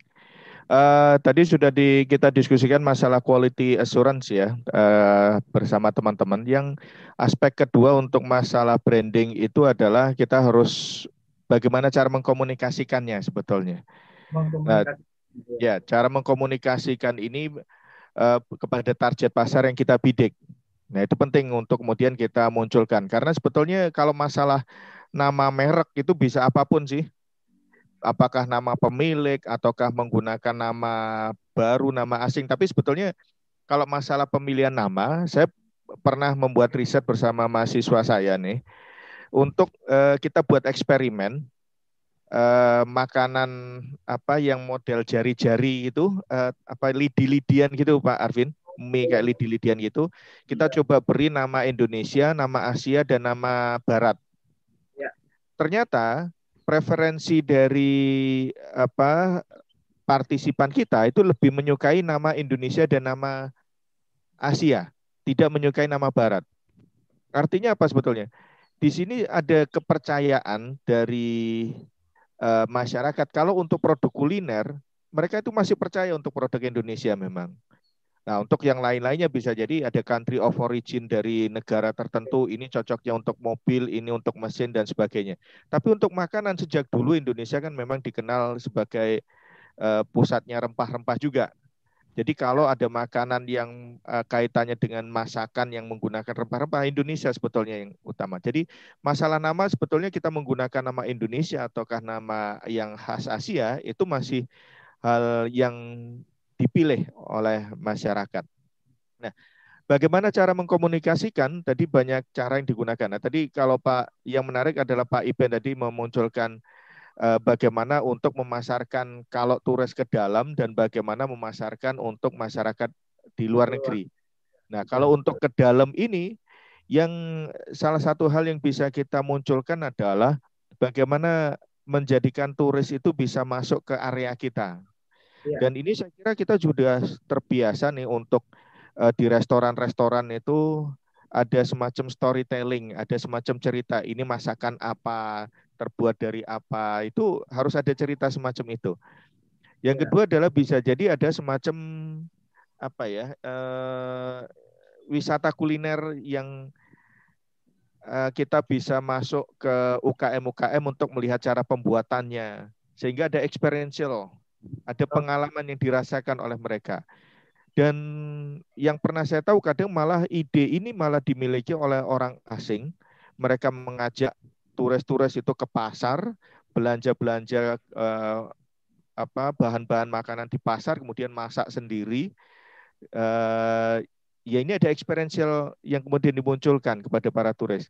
Nah kalau Bu Eka ini mengajak ada turis, ini cara ngulek sambal. Nah, itu Bu Eka. Nah, nguleknya itu harus seperti apa goyangnya gitu kan nah, apa uh, bentuk postur tubuh uh, bukan uh, gaya seperti apa sambil duduk sambil berdiri itu apakah ada bedanya dan seterusnya itu ada experiential mungkin bisa dimunculkan tuh di situ uh, sehingga mereka ya? iya betul Oke. Jadi bagaimana cara ngulek yang baik itu ya Bu Maria? Karena Bu ya. Maria juga uh, eksperimennya juga lumayan nih, tapi harus ada yang disembunyikan memang. Kalau enggak uh, nanti akan diambil orang ilmunya. Enggak. Nah. Uh, dok, uh, jadi saya nggak ada menyembunyikan rahasia oh, resep. Siap. Enggak. Nah, saya yang publish. Nih. Yang saya publish agar uh, sambal itu atau produk makanan kita lebih dikenal luas. Misalnya seperti ada satu Hali dulu namanya uh, mahasiswi dari University Boston hmm. itu KKN. KKN itu saya nggak tahu dia dapat data saya dari mana yeah, magangnya yeah. di tempat saya. Jadi kayak residensi, tinggal di rumah saya selama tiga bulan. Satu bulan pertama dia tidak boleh berbahasa Inggris, dia harus hmm. berbahasa Indonesia komunikasi dengan saya. Oi. Kemudian bulan yang kedua itu itu tugas dari kampusnya. Bulan yang kedua dia harus belajar berbahasa Bali. Jadi yeah. Ya. uh, menurut saya jembatan yang bisa kita pakai itu adalah dia bicara masalah sampah dan pengelolaan sampah. Kemudian jembatan yang saya pakai adalah memasak. Itu lebih mudah saya berkomunikasi dengan dia, memberikan komunikasi dengan dia saat di dapur, saat memotong, kemudian bagaimana cara memotong bawangnya, gimana cara mengupasnya, kemudian bagaimana kalau misalnya sambal yang digoreng, itu motong bawangnya kayak apa. Dan itu saya terbuka, Pak jadi ya, saya ya. nggak pernah menutupi uh, agar pesan kepada siapa pun saya sampaikan bahwa pesan itu karena saya juga nggak dapat uh, eh, apa, saya juga dapat itu kan dari nenek saya, dari tante hmm. saya, dari uak. Jadi tidak ada yang rahasia. Makanan itu tidak ada yang rahasia. Kembali lagi kepada kita percaya kalau di Bali itu ada dakin lima atau tanganan kalau orang Jawa bilang. Jadi uh, bagaimana tangan kita saat mengolah makanan. Setiap oh, orang okay. akan rasanya pasti berbeda, tidak ada yang nah. sama resep yang menarik. sesama apa pun pasti hasilnya berbeda. Yakin, pasti. Ya, ya. Tangan dan keringat ya. Enggak, nggak pakai keringat, nggak pakai keringat. Jangan disampaikan begitu Pak Arvin, tidak laku nanti. Nggak pakai keringat. Ini pakai ini kok, pakai apa namanya, pakai uh, sarung tangan. Sarung tangan plastik. Iya. Oke. Nah, saya kira experience uh, seperti itu yang menarik ya. Pak Arvin. Nah, tadi menarik, jadi belajar budaya memasaknya, cara memasaknya. Ya. Jadi ya. menjadi wisata gastronomi kan tidak hanya wisata kuliner. Iya, nah, iya. Menarik kalau uh, wisata uh, seperti itu di tempat uh, rumah makannya Bunda Raya ada kue yang masaknya berjam-jam, 8 jam ya. 8 jam. Raya ya. ya. Iya, jadi uh, di toko ini sekalian dapur, ini kalau untuk turis-turis dari uh, berbagai kota, ini uniknya kita nggak uh, dapurnya nggak di belakang mas tapi di depan, depan kita ya. sambut dengan open open kita okay. jadi siapa pun boleh selfie siapa pun boleh tahu resep siapa pun boleh masak itu mm-hmm. baik liputan TV maupun wisatawan mereka bebas di sini jadi setelah mereka masak kadang-kadang mereka uh, belanja kue yang mereka bikin sendiri itu tadi betul. Bayangkan 8 jam buat kue kan pasti beli pempek terus selama 8 jam itu. di sini nggak kue aja, Mas Alfi. Sambil di sini ngopi, ada pindang. Ah, Pak Gencar, di sini ada uh, pindang, pindang Palembang, ada brengkes tempoyak namanya. Brengkes tempoyak itu uh, makanan Palembang itu uh, di kayak brengkes tapi dari uh, buah durian yang difermentasikan. Itu namanya yeah. brengkes tempoyak. Jadi di Bunda yeah, yeah. ini enggak hanya kue, jadi semua kuliner Palembang ada. Kita memang uh, masih menjaga adat tradisional Palembang. Jadi orang ke Palembang kalau uh, nanya oleh-oleh di mana deh yang asli Palembang? Ya cuma di Bunda yang setiap hari ada gitu. Tadi tunjukkan ke kerabat desa kue 8 jamnya Bardala Panjang ada. Coba nanti dilihatin ada namanya Koja dibelain aja lah. Jadi ada jadi uh, nanti kalau ada IG Bunda Raya itu Bunda Raya New itu akan kelihatan semua kegiatan Bunda dari pagi sampai ke pagi. Nggak tidur Bunda. Keren, keren. Butuh kesabaran ini Pak Ganjar butuh kesabaran untuk membuat kue 8 jam. ya. ya. Jadi filosofi di balik pembuatan itu yang juga menarik untuk diajarkan ya. juga ya. tuh. Betul, betul. Tapi ya, jangan lupa juga Jangan lupa ya. juga nih Pak Arvin untuk apa uh, hakinya indikasi geografis dan kemudian hak cipta itu yang mungkin juga harus didaftarkan juga masalah resep-resep karena ya, ini juga ya, ya. bukan hanya masalah uh, apa ya individu atau perusahaan tapi juga masalah nanti hak milik bangsa juga nanti uh, jangan sampai kemudian kasus seperti pengakuan uh, tempe diakui negara ya. lain nah itu kemudian muncul hal seperti itu nantinya coba kita tanya Pak Muatis soal apa hak cipta makanan. Ya. Bagaimana Pak Muatis uh, supaya tidak diakui oleh ini nyambung loh untuk kesatuan. Uh, kalau ya. Memang kalau secara legal lindungan hukum itu secara haki ada tadi ya indikasi geografis. Ada satu lagi itu memang kalau dari haki tentu brand kita atau keunikan kita itu bisa kita daftarin. Tapi kayak indikasi geografis atau itu belum semua negara juga sepakat. Artinya itu bukan sesuatu yang mudah sih. Kalau inovasi menu bisa didaftarkan inovasi menu. Ya agak sulit juga. Misalnya kayak gini. Kemarin batik ya, batik kan kita merasanya itu asli Indonesia. Tapi kalau pernah batik tuh dipakai dalam satu event oleh desainer internasional itu dia waktu dia menuliskan kenapa dia pilih batik, dia menuliskan bahwa itu asalnya dari China. Walaupun batik sebenarnya kalau dari UNESCO kan sudah diakui sebagai warisan budaya Indonesia kan. Bahkan di kita kan ada indikasi geografis eh, setiap jenis batik tertentu gitu. Misalnya ada batik Bantul itu memang indikasi geografis hanya di daerah Bantul. Mungkin kalau Jadi kalau untuk sulit. Ya? Contoh contoh nasi goreng. Nasi goreng tuh salah satu makanan Indonesia yang mulai mendunia. Nasi goreng, mie goreng, sama sate itu saya lihat yang udah banyak di di beberapa itu di negara di di luar ya. ya. Nah nasi goreng itu ada yang mirip. Kalau kita ke Uzbekistan itu namanya plav. Plav. Nasi digoreng juga. Kalau kita ke Turki itu namanya pilav. Ke Iran itu pilav. Bedanya nasi di sana dicampur kacang-kacangan. Ya. Ada mungkin campur kismis, campur kacang, kacang-kacangan gitu ya. Tapi kalau yang Uzbekistan tuh rasanya mirip sama nasi goreng kita. Bedanya bumbunya tidak se-strong bumbu Indonesia karena kalau di kita kan kadang-kadang masak nasi goreng pakai sambal terasi itu dicampur gitu ya. Iya. Jadi bumbunya khas gitu. Soalnya Bu Eka ya. Ya. Nah, pengalaman jualan sambal ya. Saya tiga tahun jualan sambal di Middle East Bu Eka. Sambal oh. Indonesia. Uh, produknya Nestle sama Indofood. Perusahaan join kan ada tuh Nichi, Nestle, Indofood. Yeah. Itu awalnya sangat sulit memperkenalkan tes itu. Karena mereka nggak terbiasa dengan cita rasa sambal kita. Tapi begitu mereka ngerasain, mereka suka. Gitu. Nah, pengalaman saya untuk berhasil waktu itu kita yang sangat berhasil tuh di negara Middle East salah satunya tuh di di Qatar ya sama di Kuwait. Itu kita iya. tempel sama produk yang memang dimakan pakai sambal. Jadi dia nggak bisa promosi berdiri sendiri. Hmm. Gitu. Jadi kita mesti join promo sama produk apa nih enak yang dimakan pakai sambal. Sambalnya waktu itu sambalnya Indofood itu ya sambalnya Nestle gitu. Nah kebetulan memang karena itu waktu itu jualan Indominya udah bagus, kita tempel sama Indomie, ya jalan produknya dan mereka terus suka setiap kita display, kita promo, itu sambal habis pasti. Sambal Indonesia tuh unik, beda dengan sambal Thailand. Kalau sambal Thailand kan walaupun agak mirip dengan Indonesia, tapi cita rasanya kalau menurut lidah kita ya itu kurang karena dia lebih base-nya ke bawang putih aja. Nah, kalau sambalnya Middle East itu dia base-nya sour. Lebih dekat ke kayak Tabasco gitu ya.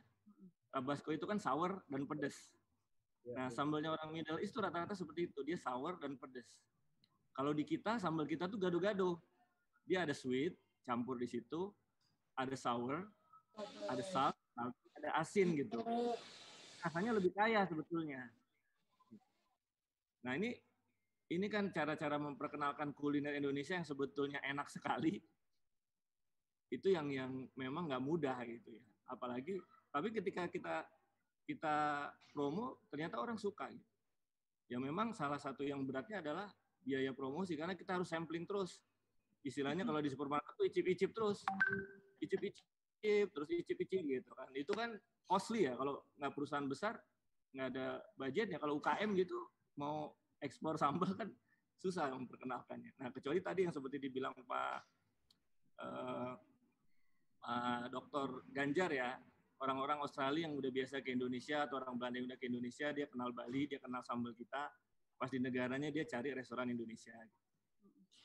Jadi kalau makanan kita yang sudah potensi mengglobal itu menurut saya ada tiga ya nasi goreng, mie goreng dan sate. Jadi kalau kita di restoran-restoran di Dubai misalnya di menu ditulisnya seperti bahasa Indonesia bukan ditulis fried rice tapi ditulisnya nasi goreng. Ya. Bukan ditulisnya fried noodle tapi ditulisnya mie goreng, M I G O R E N G gitu. Jadi udah mulai Indonesia udah mulai global. Tapi baru di tiga itu. Sementara kan kita banyak masakan lain. Contoh kalau kayak dari Surabaya tadi rujak cingur misalnya. Kan itu khas juga rasanya. Susah, Pak. Kak. Susah kan ya. Nah, pengalaman misalnya waktu saya di Egypt itu kita jualan soto. Memang untuk uh, produk instan noodle ya. Cuma bagaimana mengemas soto itu dalam sebuah brand ngasih tahu ke konsumen ini loh rasa soto. Sementara orang nggak kenal soto itu apa. Kalau kita kasih nama soto di situ, apa ya orang mau beli ambil dari display di supermarket. Akhirnya waktu itu diputusin kita kasih nama brandnya itu vegetable. Jadi itu instant noodle soto mie kita kasih brand vegetable. Ternyata laku sekali. Hmm. Tapi nggak disebut soto di situ karena kalau disebut soto pasti nggak laku. orang nggak orang nggak kenal kan apa ini gitu. Belum tentu dia mau nyoba. Gitu. Pak Morsis, Pak kan pengalaman di Indofood uh, Middle East ya. Mungkin tidak di uh, UKM-UKM itu disertakan. Jadi misalnya makan mie, minum kopinya harus dari uh, Kang Iben, dessertnya harus tempe dari Bunda Raya, tambahnya harus dicampur dari Mbak Eka kira-kira nah, bahwa kalau menurut saya sebetulnya cita rasa Indonesia tuh sudah banyak yang mendunia. Cuma sayangnya yang menikmati marginnya atau nilai tambahnya itu bukan kita tapi orang lain. Contoh ya kalau di kopi. Perusahaan paling sukses setelah Nescafe di negara-negara tadi yang disebut oleh Kang Iben itu di negara-negara Rusia atau CIS country ya ex-Soviet iya. itu itu ada kompetitor Nescafe itu perusahaan namanya Food Empire. Nah, saya dulu nggak tahu kalau ternyata perusahaan Food Empire ini ambil kopinya semua dari Indonesia dan perusahaannya itu headquarternya ada di Singapura. Jadi sebetulnya orang Soviet itu semua makan kopinya itu base-nya dari kopinya Indonesia, tapi yang punya brand, yang berdagang, yang punya merek, yang menikmati itu orang Singapura marginnya. Contoh lagi, cinnamon. Cinnamon itu komoditas mahal sebetulnya. Ya. Itu dikuasai oleh oligarki internasional, salah satunya McCormick. Jadi dia perusahaan dunia di bidang spices. Dia memonopoli perdagangan cinnamon itu atau kayu manis ya. Nah, petani-petani kayu manis kita, pernah saya ke Padang itu, petani-petaninya itu petani miskin semua. Dia hanya ngupas kulit kayu manis, dia jemur, semuanya diambil sama McCormick. Ketika udah jadi nanti ada roti cinnamon di bread talk, dia belinya bukan dari petani di kita, belinya dari perusahaan-perusahaan turunannya McCormick dan di seluruh dunia diperdagangkan oleh McCormick. Padahal rasa cinnamon atau rasa kayu putih itu rasanya spiciesnya Indonesia, asli Indonesia, tetapi yang menikmati lagi-lagi yang menikmati margin dan nilai tambahnya ya perusahaan asing. Jadi kendalanya memang di situ ya. ya. Salah satunya memang di masalah standarisasi, masalah apa namanya requirement untuk masuk import, Contoh kita kalau mau masuk makanan ke Australia aja, misalnya seafood atau dairy product, itu kita harus nggak cuma ada ISO misalnya, tapi dia juga ada semacam kalau ISO kan mungkin lebih dikenal untuk masuk ke negara-negara Eropa. Di Amerika beda lagi. Kalau di Australia dia malah ada double, ada dia ada satu requirement yang semacam aturan antar negara-negara persemakmuran. Jadi dia punya standar juga sendiri. Nah, ini yang banyak nggak diketahui oleh eksportir kita, apalagi UKM yang mau masuk. Dia harus, misalnya kita harus mendaftarkan apakah produk itu alergen atau enggak. Misalnya nih Mbak Eka mau ekspor sambal nih, itu harus diidentifikasi ada alergenik produknya enggak. Kalau misalnya sambalnya itu bumbu kacang, peanut, peanut itu alergenik produk. Dia harus diuji tes di lab, didaftarin sebagai alergen ketika dia masuk pasar Australia kemudian diketemukan bahwa itu mengandung kacang dan tidak didaftarkan sebagai alergenik produk, dia langsung di ban. Nah, banyak UKM kita yang udah berhasil nembus pasar ekspor, akhirnya di ban karena ketidaktahuan itu. Termasuk Ini salah satu tadi harus ya. didaftarkan juga ya kalau PP di ekspor. Ya, jadi ya artinya Singapura menggunakan P. Contoh kalian.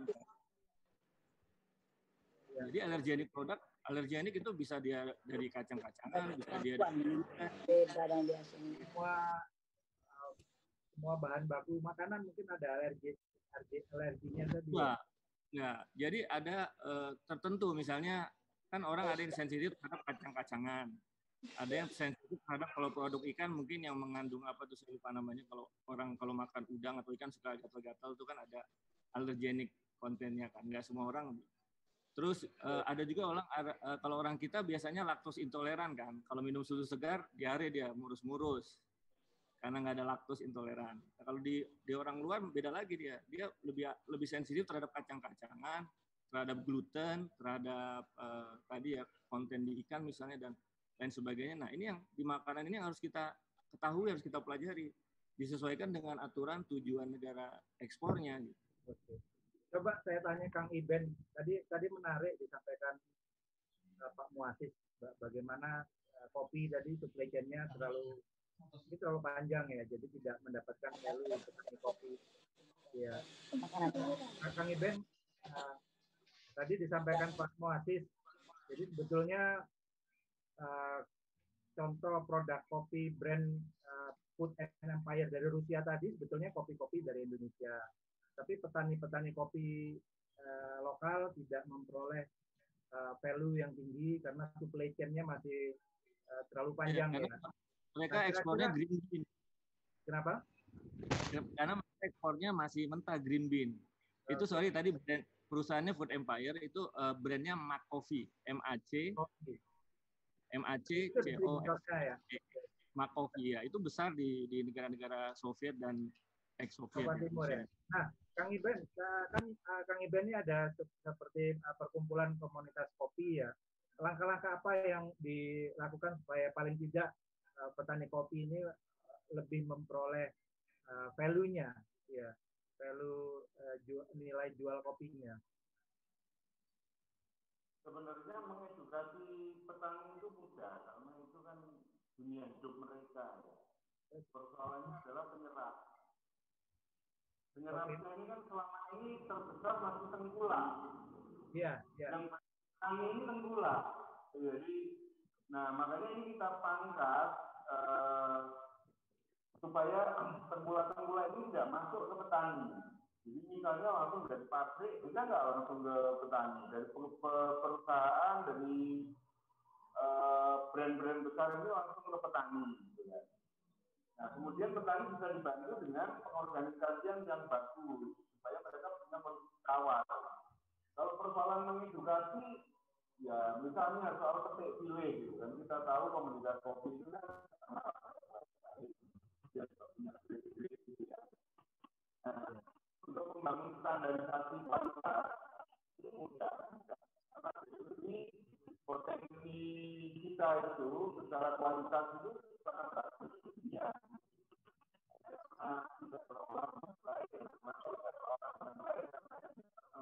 Suaranya putus-putus Kang Iben suaranya. Oke. Okay. Halo. Halo, halo. Ya, oke, okay. lebih bagus. Bisa dengar? Ya, ya. Uh, itu itu itu problemnya. Jadi mengedukasi petani itu mudah. Problemnya adalah serapan. Jadi kalau petani diedukasi, kamu harus petiknya pilih, penyemburannya begini, roastingnya begini, standarisasinya begini, itu ya bisa-bisa aja. Tapi kalau dibeli murah, ya bosen juga, nggak mau juga mereka. Atau produknya tidak laku. Nah jaminan ini juga penting. Saya kira itu tidak hanya di kopi ya, di uh, semua produk kuliner juga seperti itu. Jadi sustainability itu juga juga juga penting gitu. Nah dalam konteks kita eh, edukasi itu bisa dua arah. Misalnya kayak tadi eh, Mbak Eka itu ya, saya juga sering eh, dapat mahasiswa mahasiswi dari luar negeri yang KKN di di kita, ya. terus kita kirim ke petani, gitu kan. Nah itu kan interaksinya jadi menarik. Petani juga langsung ternyata mereka tuh punya sesuatu yang wow gitu kan, yang orang lain nggak punya. Gitu. Nah, price-nya itu menjadi naik gitu kan. Nah, persoalan price itu kan kadang-kadang uh,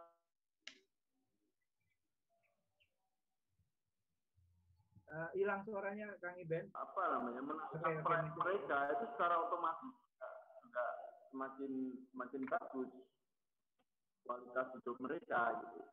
Nah yang kedua kita bicara kayak tadi disebutkan uh, sekarang kebun-kebun kopi kita sudah menjadi destinasi tempat tujuan wisata.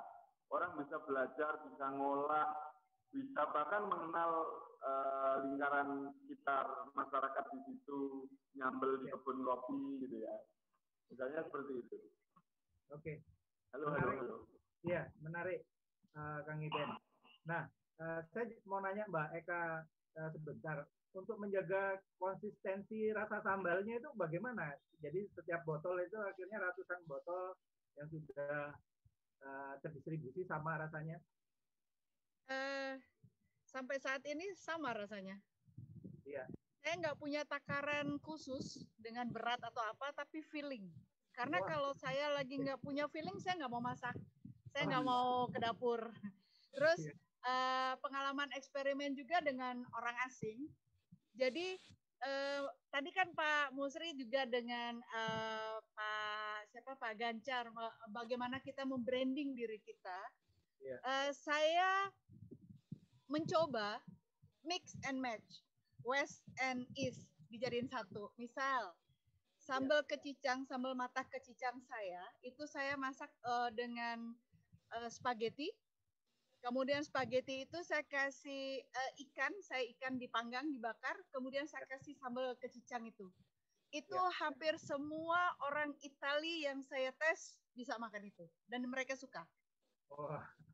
Itu. Kemudian saya coba juga dengan menu yang lain, misalnya kalau orang Jawa itu ada sambal jelantah ya, yang dominan ya. bawang putih sama kencur, dominan. Ya.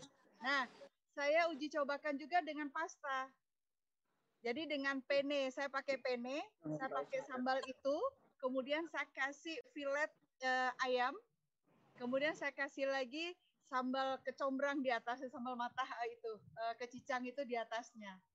Itu juga enak buat mereka menikmati. Dia bilang, kamu dapat ini dari mana? Enggak, ini saya uji coba. Dan mereka senang.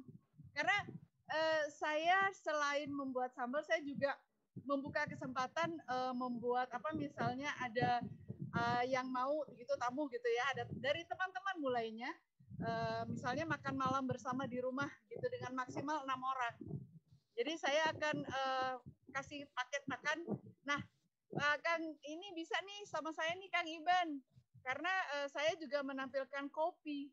Jadi uh, kopi dengan uh, makanan uh, jajan Bali atau dengan keladi yang dikukus kemudian saya urap Kemudian saya kasih gula juruh. Uh, mungkin belum banyak yang tahu ya gula juruh itu. Nih gula juruh ada. Jadi ini adalah gula dari lontar. Saat prosesnya mungkin kalau dalam Inggrisnya itu palm sugar honey ya. Kalau saya nggak salah, jadi dia cair, masih cair.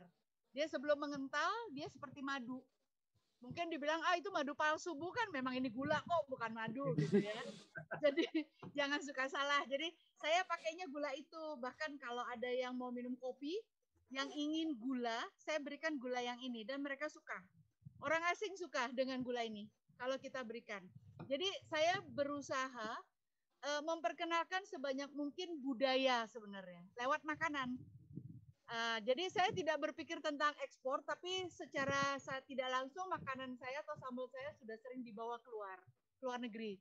Wow. Mereka hand carry, bahkan untuk oleh-oleh misalnya. Dan yang bawa bukan orang Indonesia, orang asing. Jadi yeah. Ya. uh, kita nggak nggak berharap itu jadi ekspor besar karena saya juga nggak akan bisa memenuhi kuota.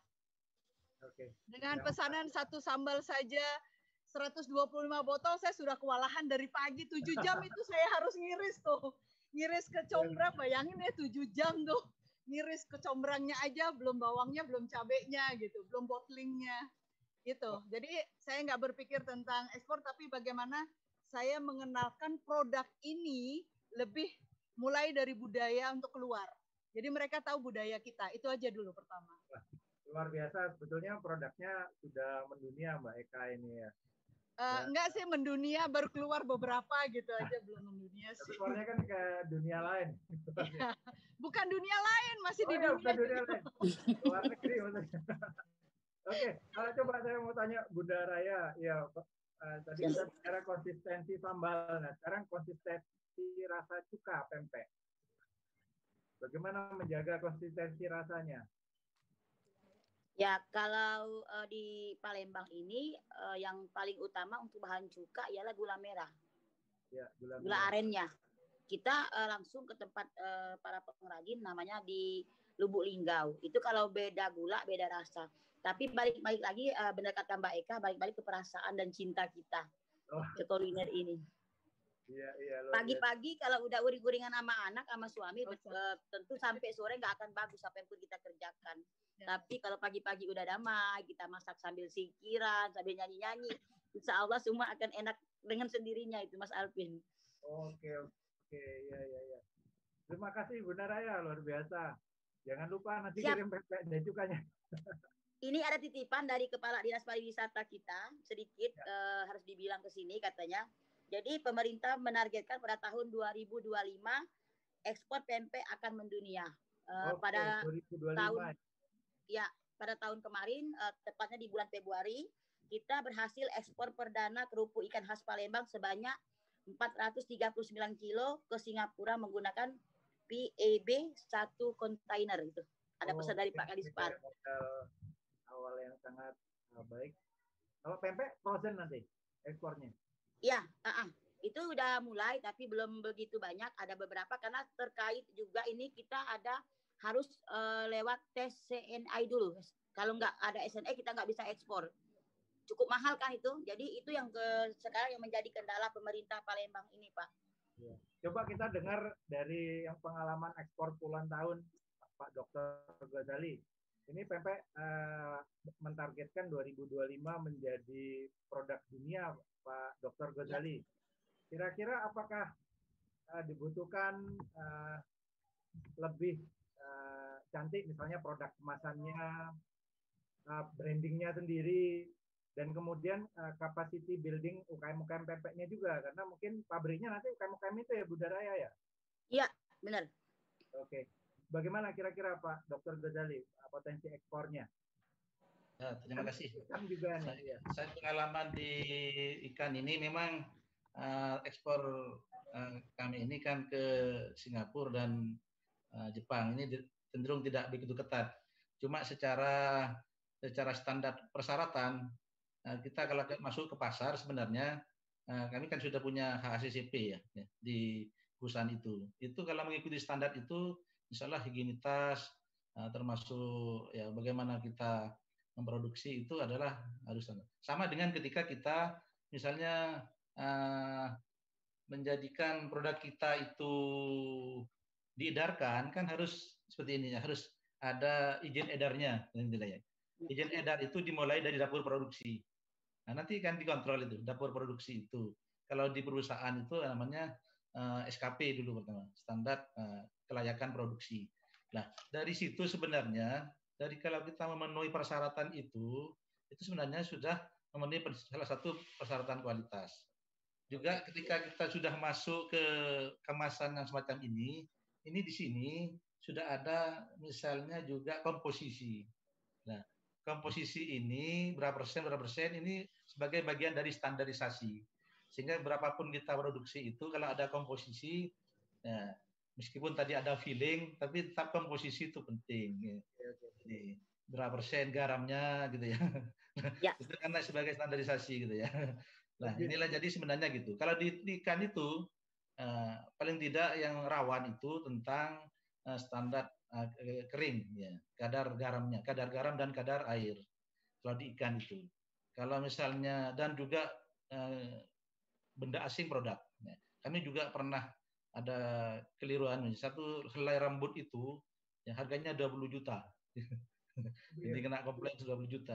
Artinya ini sudah uh, barangkali kualitas semacam itu. Ya. Satu ya. rambut itu 20 juta. Oleh karena itu uh, kita harus mulai dari dapur produksi kita, dari kemasan kita, ya.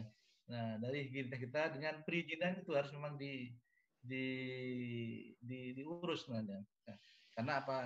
Untuk izin edar, izin semuanya harus memenuhi syarat itu, standarisasi itu. Ya pikir itu ya yang bisa. Jadi hulu hilir harus di Atau kalau saya tampilkan misalnya ini, ya produk saya jadi bisa ya. ya. Untuk menampilkan produksi di tempat saya ini, gitu ya. Ini. Enggak, mereka untuk video. Hmm.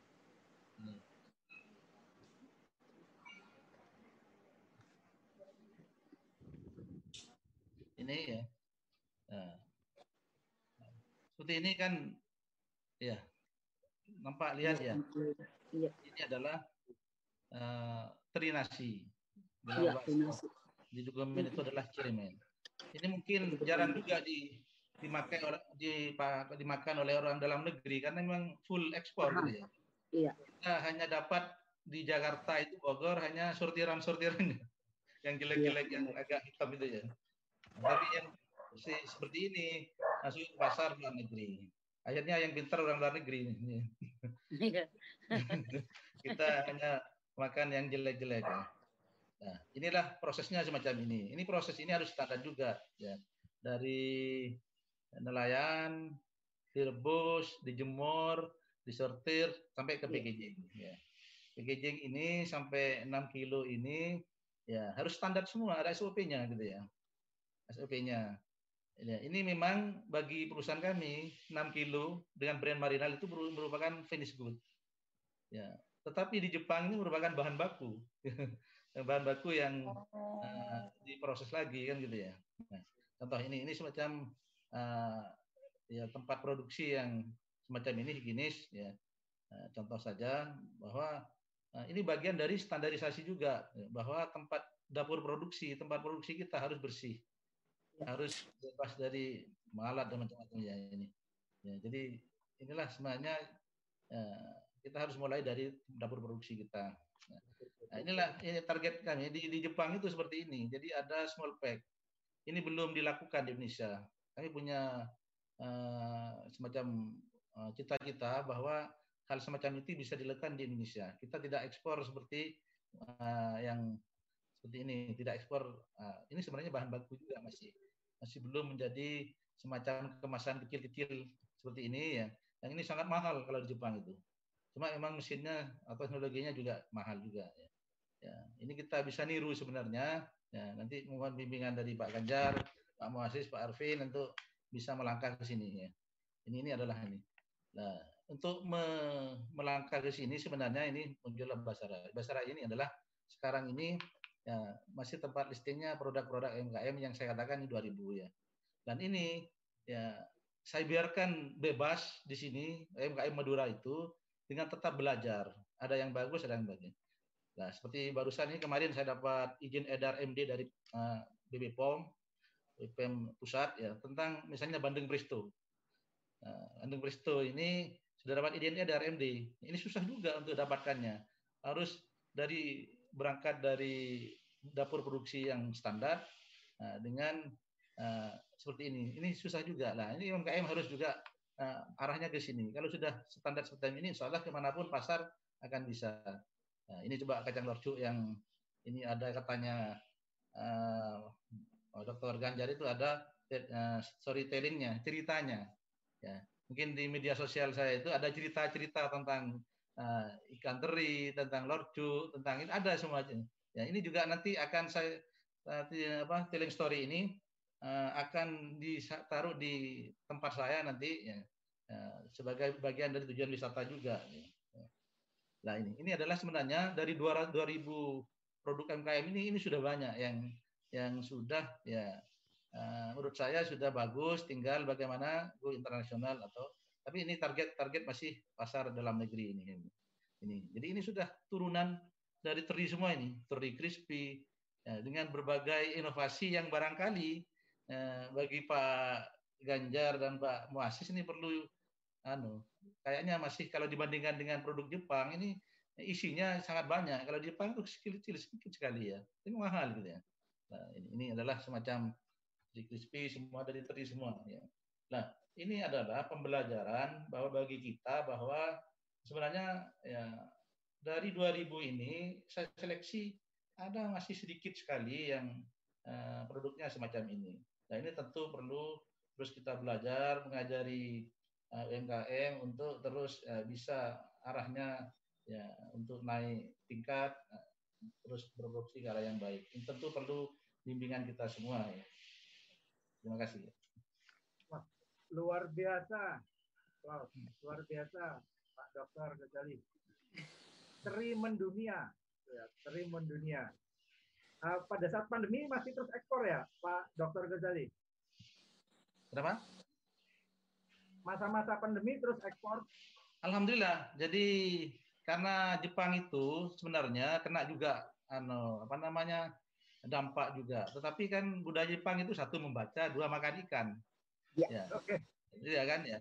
Jadi kebutuhan akan ikan itu sangat banyak. Nah, termasuk di Basaraya. Basaraya ini ini ketika UMKM lain turun, tapi di Basaraya itu malah naik. Ya. Ya, kami juga bermain di pasar online kan. Ya. Jadi barangkali jika lihat di media di misal IG Basaraya maupun di Facebook Basaraya itu ya ada semacam cerita-cerita yang mungkin pembelajaran bagi UMKM. Jadi di satu sisi uh, UMKM itu nurun, tapi Marinal dan Basaraya itu alhamdulillah ya tidak terpengaruh oleh pandemi ini. Ya, menjadi balance ya. Saya rasa untuk mengejar target uh, Palembang mendunia ekspor 2025 pempek harus bersinergi Palembang dan Madura berkolaborasi. Sampaikan ke pemerintah Sumatera atas ya kita pelajari dari Pak Dr. Ghazali bagaimana eh, dipilah produk UKM tapi ada juga yang disortir produk UKM untuk menjadi ekspor juga. Luar biasa. Saya rasa nanti banyak diversifikasi produk pempek khususnya menjadi macam-macam mungkin ya. Pempek jenisnya uh, berinovasi yang, yang ekspor mungkin beda dengan pempek yang sudah ada di Palembang mungkin ya kalau saya melihat.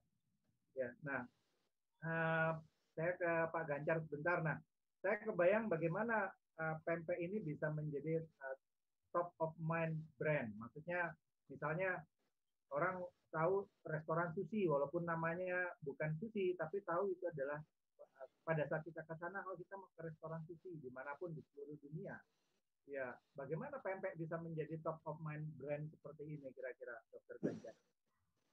Ya, pertama memang masalah wisata itu ya Pak Arvin yang kemudian salah satu yang mendorong. Yang kedua adalah yang tidak boleh dilupakan peran film sebetulnya. Nah, ini dunianya Bu Eka juga nih. Ya.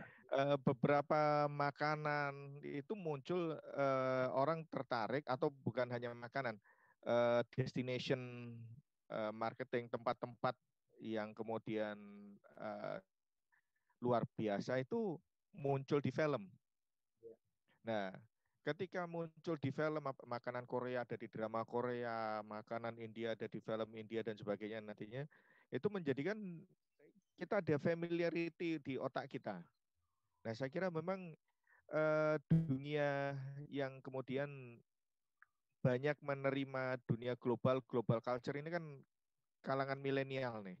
Nah, mereka juga lebih banyak melihat tayangan-tayangan dari film dari YouTube itu, saya kira dari situ kita sebetulnya juga bisa masuk bagaimana memperkenalkan hal-hal kearifan lokal berkaitan dengan produk-produk Indonesia, eh, baik eh, kuliner, kemudian tempat wisata dan sebagainya itu bisa kita munculkan melalui film sebetulnya. Jadi Bu Eka ini menarik sekali uh, ada film, kemudian ada kuliner. Nah ini bisa kemudian uh, bisa diajak kerjasama banget ini uh, ketika nanti wisatawan katakanlah Nikola Saputra berkunjung ke Palembang gitu kan uh, makannya empek-empek di tempatnya Bunda Raya nah itu kan orang menjadi tertarik yang apa ADC aja menjadikan booming banget kan yang tempat-tempat di Jogja itu Nah, hal-hal seperti itu kita masuk melalui bawah sadar, kita melalui peripheral kalau bahasa ininya. Uh, uh, peripheral route. Jadi uh, dari sisi yang kemudian bukan sisi utama seseorang mencari informasi. Itu maka e, melalui film itu kita bisa memasukkan budaya-budaya kita sebetulnya Pak Arvin. Nah, menyikapi tadi juga yang diceritakan Bu Eka ada masalah feeling.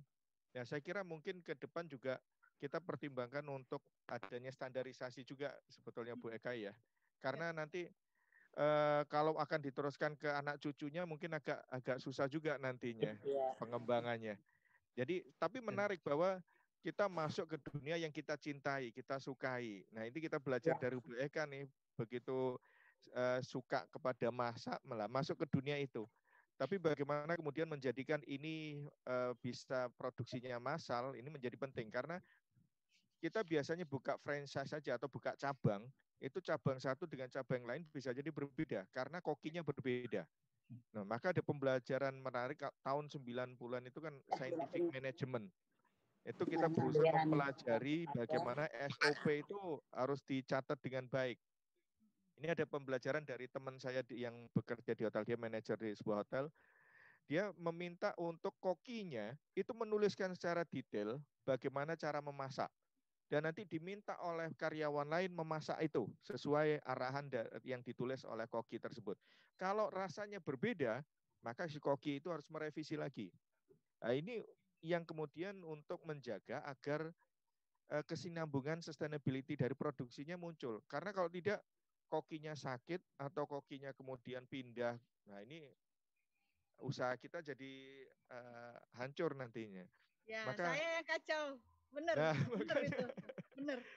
Jadi harus dituliskan SOP dan meminta orang lain memasak uh, sesuai resep kita itu sebetulnya. Kalau rasanya beda, harus direvisi ulang. Nah itu proses bagaimana kita membuat SOP yang baik berkaitan dengan penulisan resep nih Pak. Nah, itu menarik itu. Uh, sorry saya saya potong sedikit. Yeah. Uh, itu menarik okay, itu dok karena uh, pengalaman saya itu sudah saya racik dengan yang sama, kemudian tangannya yang meremas berbeda, hasilnya berbeda. Iya. Dan itu pelanggan tahu dok. Jadi saya nggak nggak ini karena uh, pelanggan sedang ada di Bali dan itu akan makan bersama di sana. Saya cuma suruh nyoba apa ini kan sama rasanya dia bilang enggak ini bukan Mbak Eka oh. nih yang yang ngeraciknya nih saya tahu nih katanya. Benar botolnya jadi, sama ya. Sama jadi saya uh, antara saya dengan menantu saya. Hmm. Sudah saya yang menakar, takaran yang sama, saya olah cuman dengan berbeda saja. Bahwa yang satu adalah diremas, diracik, bukan diracik lagi, tapi cuma diremas, diaduk aja oleh menantu saya. Terus yang ini saya yang lakukan. Saya berikanlah dulu sajikan yang diremas oleh menantu saya. Dia bilang bukan punyanya Eka. Ya, ini remasannya tekanannya berapa? Nah, mungkin. Ya. Itu yang harus diteliti itu. Ini harus di, di, dipelajari ya. Betul, Wah, kan ada sport management, uh, sport apa kita berusaha melihat uh, beberapa riset itu ada meneliti tentang sport, gerakan yang bagus ya. seperti apa dimulainya. Dan memasak juga seperti itu. Jadi ini ditekan ngulek itu kan macam-macam juga ya Bu. Iya. Nah, tekanan itu bisa jadi berbeda. Iya. Tergantung perasaan juga Pak Arvin. Kalau lagi patah hati bisa jadi remasannya sangat kuat Kalau banget. pakai blender aja gimana buat sambelnya? Mereka pakai blender sudah. Enggak, saya Kayaknya kurang enak ya dengan Mas. Oh, Iya. Iya, iya. Jadi Nah, kalau, kalau memang buat buat bumbu Betul, betul. ini kalau sambal saya rajang atau saya potong kemudian kalau untuk bumbu betutu itu kan ada bahasa ba- eh, bahasa Bali itu yang bahasa komplit ya, bahasa genep namanya kalau orang Bali. Itu kan biasanya dirajang. Kalau saya saya parut. Saya parut dengan pakai parutan keju yang lembut. Jadi hasilnya lembut tapi rasanya enak. Nanti moist dia di ininya. Di hasil Nah, akhirnya itu. tipsnya Bu Eka tuh. Tapi saya kira kalau kita menggunakan mesin Pak Arvin nanti harus disesuaikan juga. Ini mesinnya perlu apa? Berapa Perasaan. lama? Berapa Perasaan. perasaan? Mungkin ada perasaan. Iya. Nah itu saya kira butuh riset dan eksperimen luar biasa sebetulnya Pak Arvin. Iya. Pak Dokter Gancar harus coba sambalnya dulu itu. Oh ya. Nanti kalau ke Bali saya coba mampir ke tempat Bu Eka deh. Besoklah saya kirim Pak, dong. Raya juga. Saya juga penasaran rasa terinya Pak Ghazali sama kopinya Kang Iben. Hmm, nih. Ya. Saya mau menyapa Pak Muasis dulu. Eh, sepertinya ada presentasi ya mau disampaikan. Silakan Hmm, presentasi dulu. Pak Muasis. Pak Muasis. Apa masih di tempat Pak Muasis? Ya. Kayaknya sedang dari tempat mungkin Pak. Arvin. Benar, Pak. Oke. Halo eh, Pak, sorry sambil Ya. ini nih. Pak Muasis. Ya gimana Pak? Ada presentasi mau disampaikan? Presentasinya silakan kalau mau disampaikan presentasinya. Oke, bentar Pak. Ya. Siapin dulu ya. Silakan. Rabat desa, mari kita Ya. lihat uh, presentasi dari Pak Muasid dari uh, Kementerian uh, Koperasi dan UKM.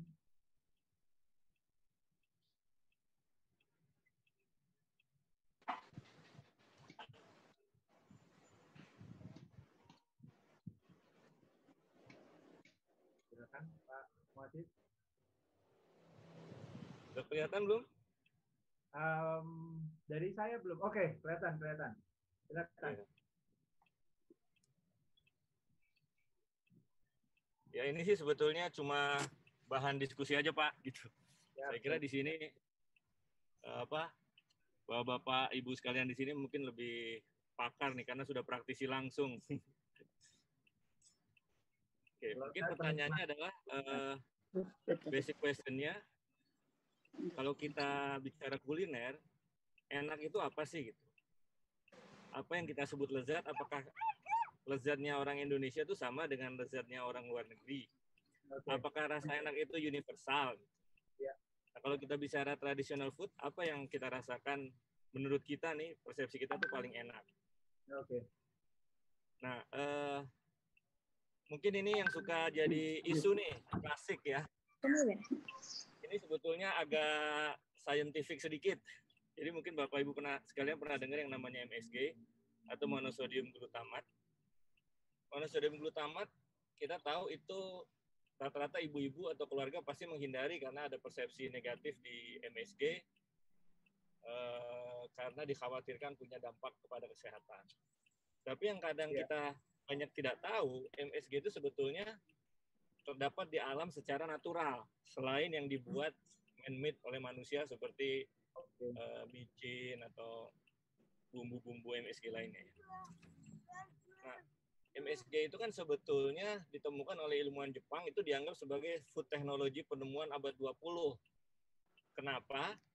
Karena si orang Jepang ini dia bisa mengidentifikasi ada rasa yang kalau orang kita mungkin sebutnya gurih ya. Jadi kan ada lima rasa nih yang kalau kita kenal. Ada rasa manis, asin, asam, sour, pahit. Ada empat rasa. Nah itu ada satu rasa yang hilang. Itu orang Jepang menyebutnya umami. Karena mereka lah sebenarnya penemu micin itu. Nah, umami ini kenapa orang khawatir ada dampak kesehatannya? Karena dia langsung direspon dari boleh dibilang kayak ada semacam jalur neuron khusus dari otak langsung ke perut. Sehingga langsung ada sinyal enak enak enak gitu. Makanya dibikin yang namanya uh, Indomie itu. Oke, oke.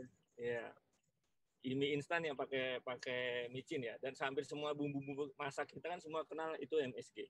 Tapi sebetulnya di alam itu ada MSG alami. Nah, manusia sebetulnya asupan pertamanya ketika lahir ke dunia itu adalah MSG. Karena sumber alami MSG pertama itu adalah ASI atau air susu ibu. Oke. MSG natural ya. Iya. Ya. Nah, ini ada beberapa sumber. Apa sih yang yang yang sumber-sumber alami MSG? Pertama itu tomat, almond, hmm. uh, sauce atau saus, uh, kecap, kecap ya. Terus cheese, kedelai, beef, whey, bacon yeah. atau daging-dagingan, termasuk kacang-kacangan. Nah, sebetulnya karena ini adalah rasa yang dirasa enak secara universal karena dia langsung berhubungan dengan reseptor di otak yang mengatakan itu enak, kita cari aja masakan khas Indonesia apa sih yang punya MSG natural itu kontennya tinggi gitu. Hmm. Sekarang coba kita lihat MSG natural di alam itu ada di tadi ya ada di ayam, ada di tomat, ada di mushroom, jamur, ada di udang itu termasuk tinggi. Sehingga secara alamiah makanan-makanan yang pakai base itu itu biasanya langsung terasa enak apa pun itu masakannya. Yeah. Contoh kalau di Eropa itu dia biasanya base-nya selalu yang namanya masakan itu kuliner itu base-nya tomat. Karena tomat itu salah satu MSG natural atau MSG alami yang kontennya tinggi. Termasuk cheese. Makanya kita biasa kalau ya, ke, Halo?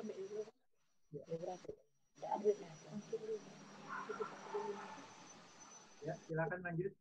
Ya, jadi kalau di dunia snack misalnya kan kita biasa rasa itu rasa cheese. Karena memang rasa itu rasa gurih seperti rasa atau base-nya masakan Italia misalnya. Biasanya base-nya selalu pakai tomat.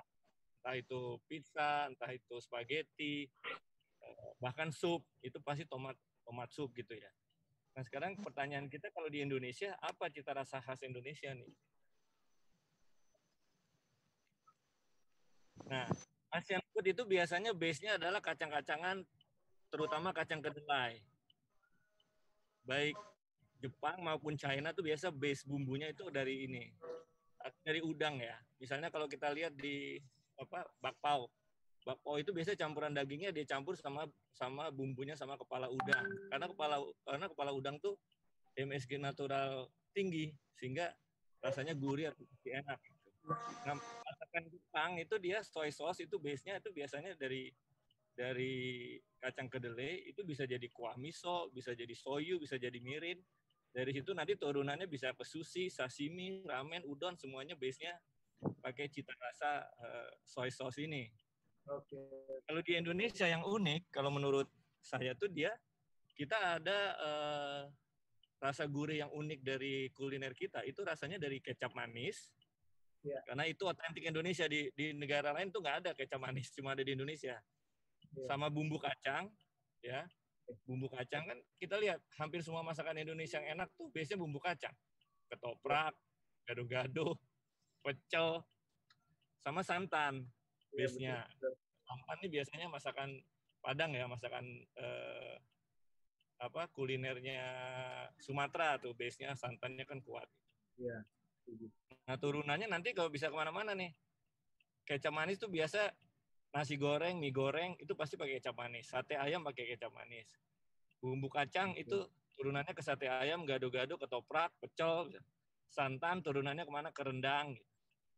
Jadi saya kira iya. kalau kita mau katakanlah brainstorming nih, kira-kira kuliner Indonesia mana yang punya potensi untuk jadi kuliner go global? Kita lihat yang punya rasa khas, kegurihan yang otentik Indonesia dan nggak dimiliki oleh negara lain.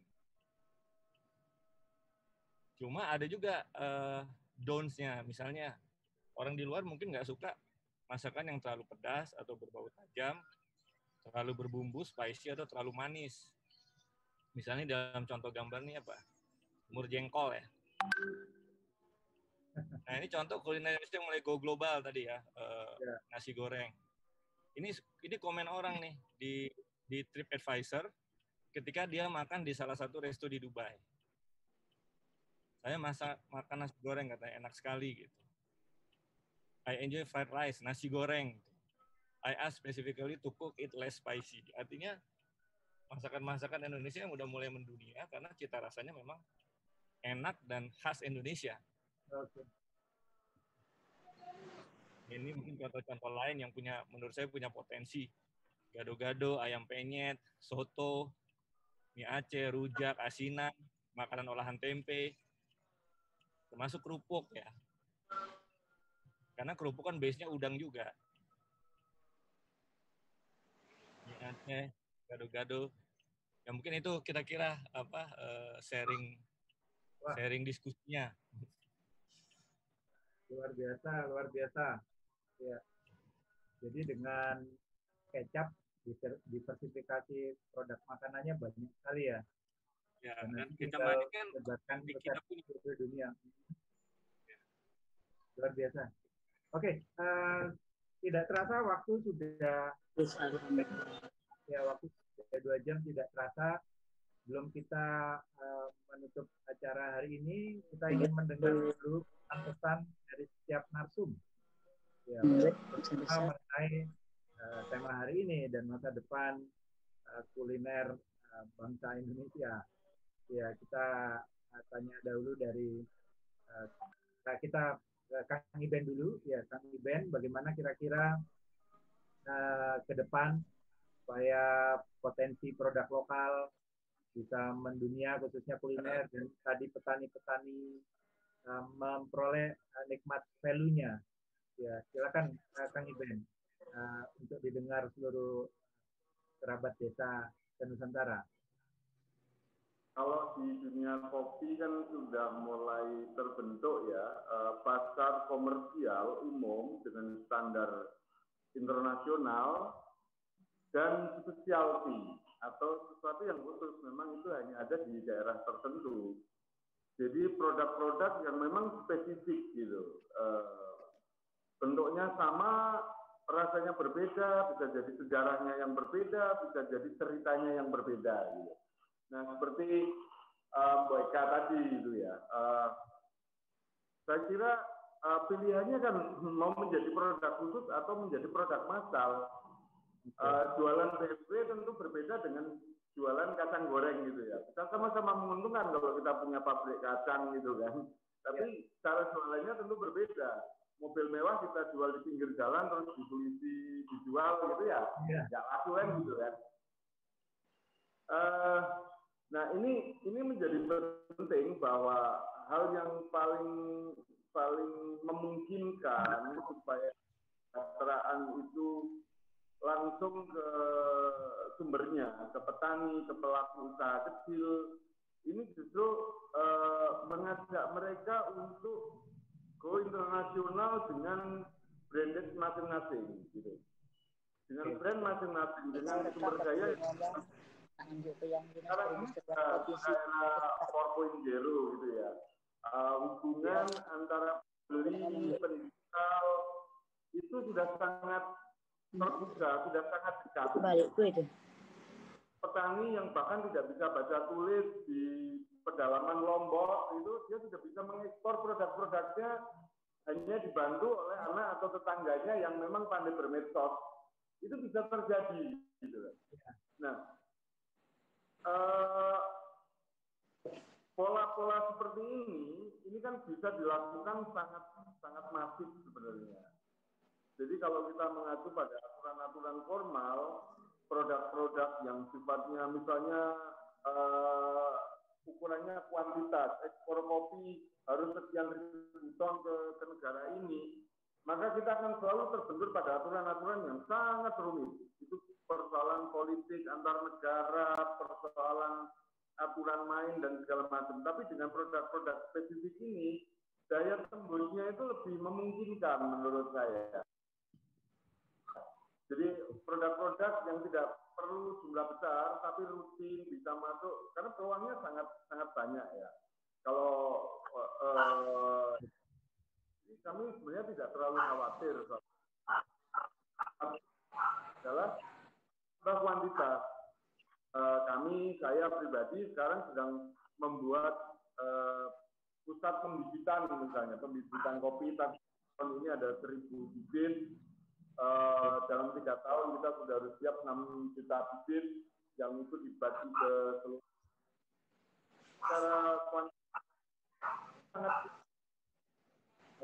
Nah, hal-hal demikian tentu memang harus sambungkan dengan pemangku kebijakan, uh, juga dengan uh, hal-hal lain di luar dunia usaha itu sendiri karena semua akan berbolera uh, berhubungan gitu kan ada uh, makanan daerah dan semuanya kan gitu dan saya kira uh, kuliner mendunia sudah terjadi Ya, terima, terima kasih Kang Iben. Terima kasih Kang Iben. Uh, Dokter Ganjar, uh, mohon uh, statement statementnya untuk closing hari ini. Tadi kita mendengar Kang Iben bahwa produk spesifik betulnya sudah banyak ekspor ya, terutama dibantu oleh dunia sosmed apa atau platform digital. Nah tadi saya kebayang bagaimana misalnya mungkin kita mendengar misalnya Alibaba ya dia banyak membawa produk UKM China juga frozen foodnya mendunia melalui e-commerce-nya. Nah, bagaimana misalnya e-commerce di Indonesia yang membawa uh, UKM UKM uh, frozen food di Indonesia mendunia. Jadi tidak hanya menjadi jago kandang komersnya, tapi juga ikut mendunia menggandeng uh, ya, tadi produk produk spesifik uh, food untuk ekspor tadi.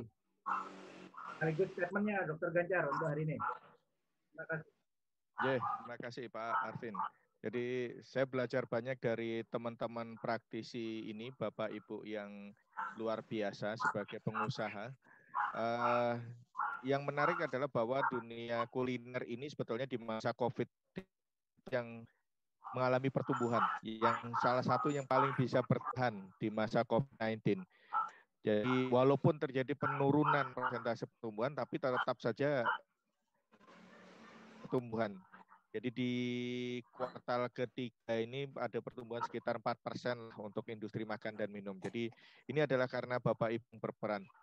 Nah, dalam satu hal juga bahwa teman-teman uh, yang kemudian berada menjadi pemateri hari ini adalah yang berada di industri yang makan uh, kulinernya itu termasuk endurance, bukan uh, yang apa ya musiman atau dalam bahasa ininya fat menjadi demam saja. Contoh kalau zaman dulu ada yang es kepal Milo gitu kan sifatnya hanya sementara saja untuk terjadi pertumbuhan. Nah, uh, jadi uh, teman-teman yang ada di sini makanannya adalah yang makanan dan minuman minumannya adalah yang memang bisa dikonsumsi setiap saat. Nah, itu yang biasanya terjadi pada dunia UMKM. Mereka terjun ke dunia kuliner, tapi dunia kuliner yang pertumbuhannya hanya sesaat tuh. Tapi di pinggir-pinggir jalan biasanya kan banyak bermunculan uh, eh, UKM-UKM baru, sektor-sektor makanan minum baru, tapi yang kemudian bukan untuk uh, makanan yang memang bisa dikonsumsi setiap saat dan untuk ketika kita akan makan dengan nasi.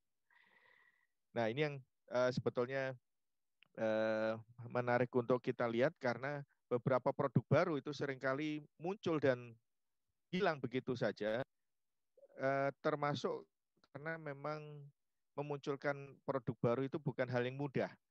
Bahkan ada catatan 80% merek baru itu biasanya gagal di pasaran sebetulnya Pak Arvin. Nah, maka bagaimana agar terus bertahan? Pertama adalah kita harus masuk ke produk yang memang bisa everlasting, yang kedua masalah branding itu juga penting dan branding ini akan berkaitan dengan quality assurance. Nah, untuk menjaga quality assurance itu menjadi tantangan kita bersama. Yang ketiga mengkomunikasikannya memang jelas saat ini hal yang harus kita raih adalah bagaimana memasarkan melalui medsos. Karena untuk kita berkunjung ke resto itu tentunya akan semakin berkurang. Mendatangkan turis ke tempat wisata tertentu itu tentunya juga akan berkurang saat ini. Jadi kunjungan-kunjungan dibatasi. Nah, maka aktivitas bermedsos tentunya memang harus dimasuki. Nah, Uh, tapi kalau mengharapkan medsos itu memasarkan uh, produk dari UMKM itu menurut saya juga agak sulit juga tantangannya kita akan bersaing secara global nih. Ya, nah maka ya. bagaimana memasarkan kita punya aplikasi tapi memasarkan aplikasi juga tidak mudah juga, apalagi aplikasi yang kemudian dikenal secara global. Ya. Uh, perlu kualitas bakar-bakar duit nih, perlu duit yeah. investasi dari perusahaan-perusahaan yeah. yang mau membakar-bakar duit. Nah ini tentunya kita sering kali melawan bukan hanya perusahaan besar, tapi melawan suatu negara sering kali Pak Arvin untuk ya, masuk ke pasar saya terbayang. Nah saya ya, kira terus kerjasama baik pendidikan seperti tadi disampaikan oleh beberapa teman ada mahasiswa yang kemudian juga turut membantu untuk ya. uh, memasarkan melalui medsos ini sangat penting saya kira jadi ABG, akademisi, bisnismen, government, kemudian community, tambah CM, community dan media itu saya kira harus bekerja sama di situ demi Indonesia. Ya. Saya kira seperti itu Pak Arvin. Terima kasih Dokter Ganjar. Uh, menarik menarik tadi statementnya. Jadi harapan kita uh, produk-produk spesifik UKM ini juga bisa mendunia dibantu oleh uh, e-commerce tapi e-commerce-nya juga uh, mendunia dulu juga ya tadi. Memang tantang, menjadi sebuah tantangan bagaimana e-commerce yang di Indonesia masih kebanyakan masih uh, quote unquote uh, jago kandang ya. Dan harapan kita bisa seperti Amazon mendunia bahwa UKM Amerika termasuk frozen food UKM-nya Alibaba juga membawa UKM-UKM tempat ke seluruh dunia dengan produk-produk spesifik yang disampaikan uh, Kang Iben tadi. Eh, penuh dinamika ke depan, tapi kita harus yakin bahwa uh, pempek bisa mendunia, sambal Mbak Eka mendunia, Pak Dr. Ghazali lebih mendunia lagi. Kang Iben uh, juga dengan uh, kopinya. Terima kasih Pak Muasis. Uh, mungkin statement uh, statement dulu untuk hari ini, uh, statement penutup hari ini. Silakan singkat. Ya, kalau statement dari saya sih, tetap semangat di masa COVID, jaga kesehatan, Ya. Kita dukung produk-produk lokal kita bisa masuk pasar pasar ekspor. Insya Allah di kemudian hari kita akan dikenal sebagai uh, bangsa yang mensuplai produk-produk makan di dunia. Amin. Amin, amin. Terima kasih Pak Muasis. Luar biasa lagi nyetir di pantai ya. Iya, Luar biasa. Terima kasih hadir hari ini Pak, Pak Muasis. Kang ya, sama-sama. Statement. Semua salam kenal. Ya, Jadi kita ya, kontak-kontak lagi ya semua. Oke, oke. Pak Moses. Ya, terima kasih. Terima kasih. Bunda Raya, silakan statement closing hari ini untuk kerabat desa dan pemirsa se-Indonesia. Ya, mohon maaf, suaranya masih unmute, suaranya. Oke, suaranya. Uh, sekarang. Jadi untuk uh, kerabat desa, ya. untuk uh, Bapak Ibu para narasumber, terima kasih untuk hari ini nambah ilmu bagi Bunda yang baru mau belajar ini. Jadi alhamdulillah hari ini kayaknya belajar pintar dulu Mas Alvin bundanya. Jadi uh, Bunda selaku ya. UMKM ini selaku ketua komunitas di Palembang hari ini cukup uh, senang bisa dilibatkan di sini. Tetap maju UMKM, maju bersama tanpa menjatuhkan orang lain dan hari ini benar-benar uh, jadi pembelajaran untuk Bunda. Semoga UMKM tetap jaya, pempek siap mendunia pada tahun 2025. Doakan. Dan yang terpenting jangan lupa kirim WA ke Bunda, akan Bunda cicipin semua kue dan pempek Palembang. Wah. Terima kasih. Wah, luar biasa. Terima kasih Bunda, terima kasih Bunda. Siap dikirim sama Bunda ya. Pak masih harus nyicip uh, pempek Palembang Pak. Jadi harus tahu ya. kalau yang asli itu gimana dari Palembang langsung sama cukonya itu. Ya. Takutnya ketagihan oh, nanti Bunda. harus satu kementerian harus, harus dikirim itu. Uh, ini ada uh, sedikit uh, kasih info untuk Pak Muasis tadi bahwa di Palembang pemerintahannya khususnya Dinas Koperasi Provinsi Sumatera Selatan itu menggratiskan yang mengurus untuk HKI-nya itu dinas oh, uh, ya. Luar biasa luar biasa. Mantap. Ya. mantap. Mantap jangan Terima lupa kasih, Bunda. nomor WA ya jangan khawatir. Siap siap. Siap Mbak Eka statement uh, pemirsa Baik kerabat desa, kemudian teman-teman semuanya, uh, sahabat semuanya, bahwa uh, bahagia sekali hari ini kita bisa berbagi. Jadi ada prinsip bahwa kita itu tumbuh besar bersama, tidak ada pohon beringin yang membunuh rumput, dan tidak ada tanaman uh, rumput yang bisa hidup tanpa ada tanaman lain di sampingnya. Jadi mari kita bergandengan tangan saling menguatkan sehat jiwa raga dan otak pikiran kita semua sehingga kita bisa menggaungkan budaya untuk lebih mendunia lewat makanan itu. Terima kasih. Biasa. Terima kasih Amin. Mereka. Kang Iben, statement singkat.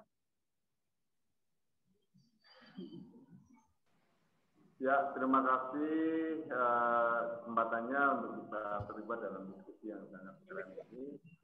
Uh, ya kalau dari kami mudah-mudahan sih pemerintah pusat terutama lebih aware ya bahwa persoalannya itu dari hulu hingga hilir cukup kompleks sebenarnya tapi bisa bisa diurai gitu uh, standarisasi produk itu menjadi sangat penting yang kedua kemudian pintu apa namanya regulasi ekspor, pengiriman dan segala macam itu lebih dipermudah gitu ya.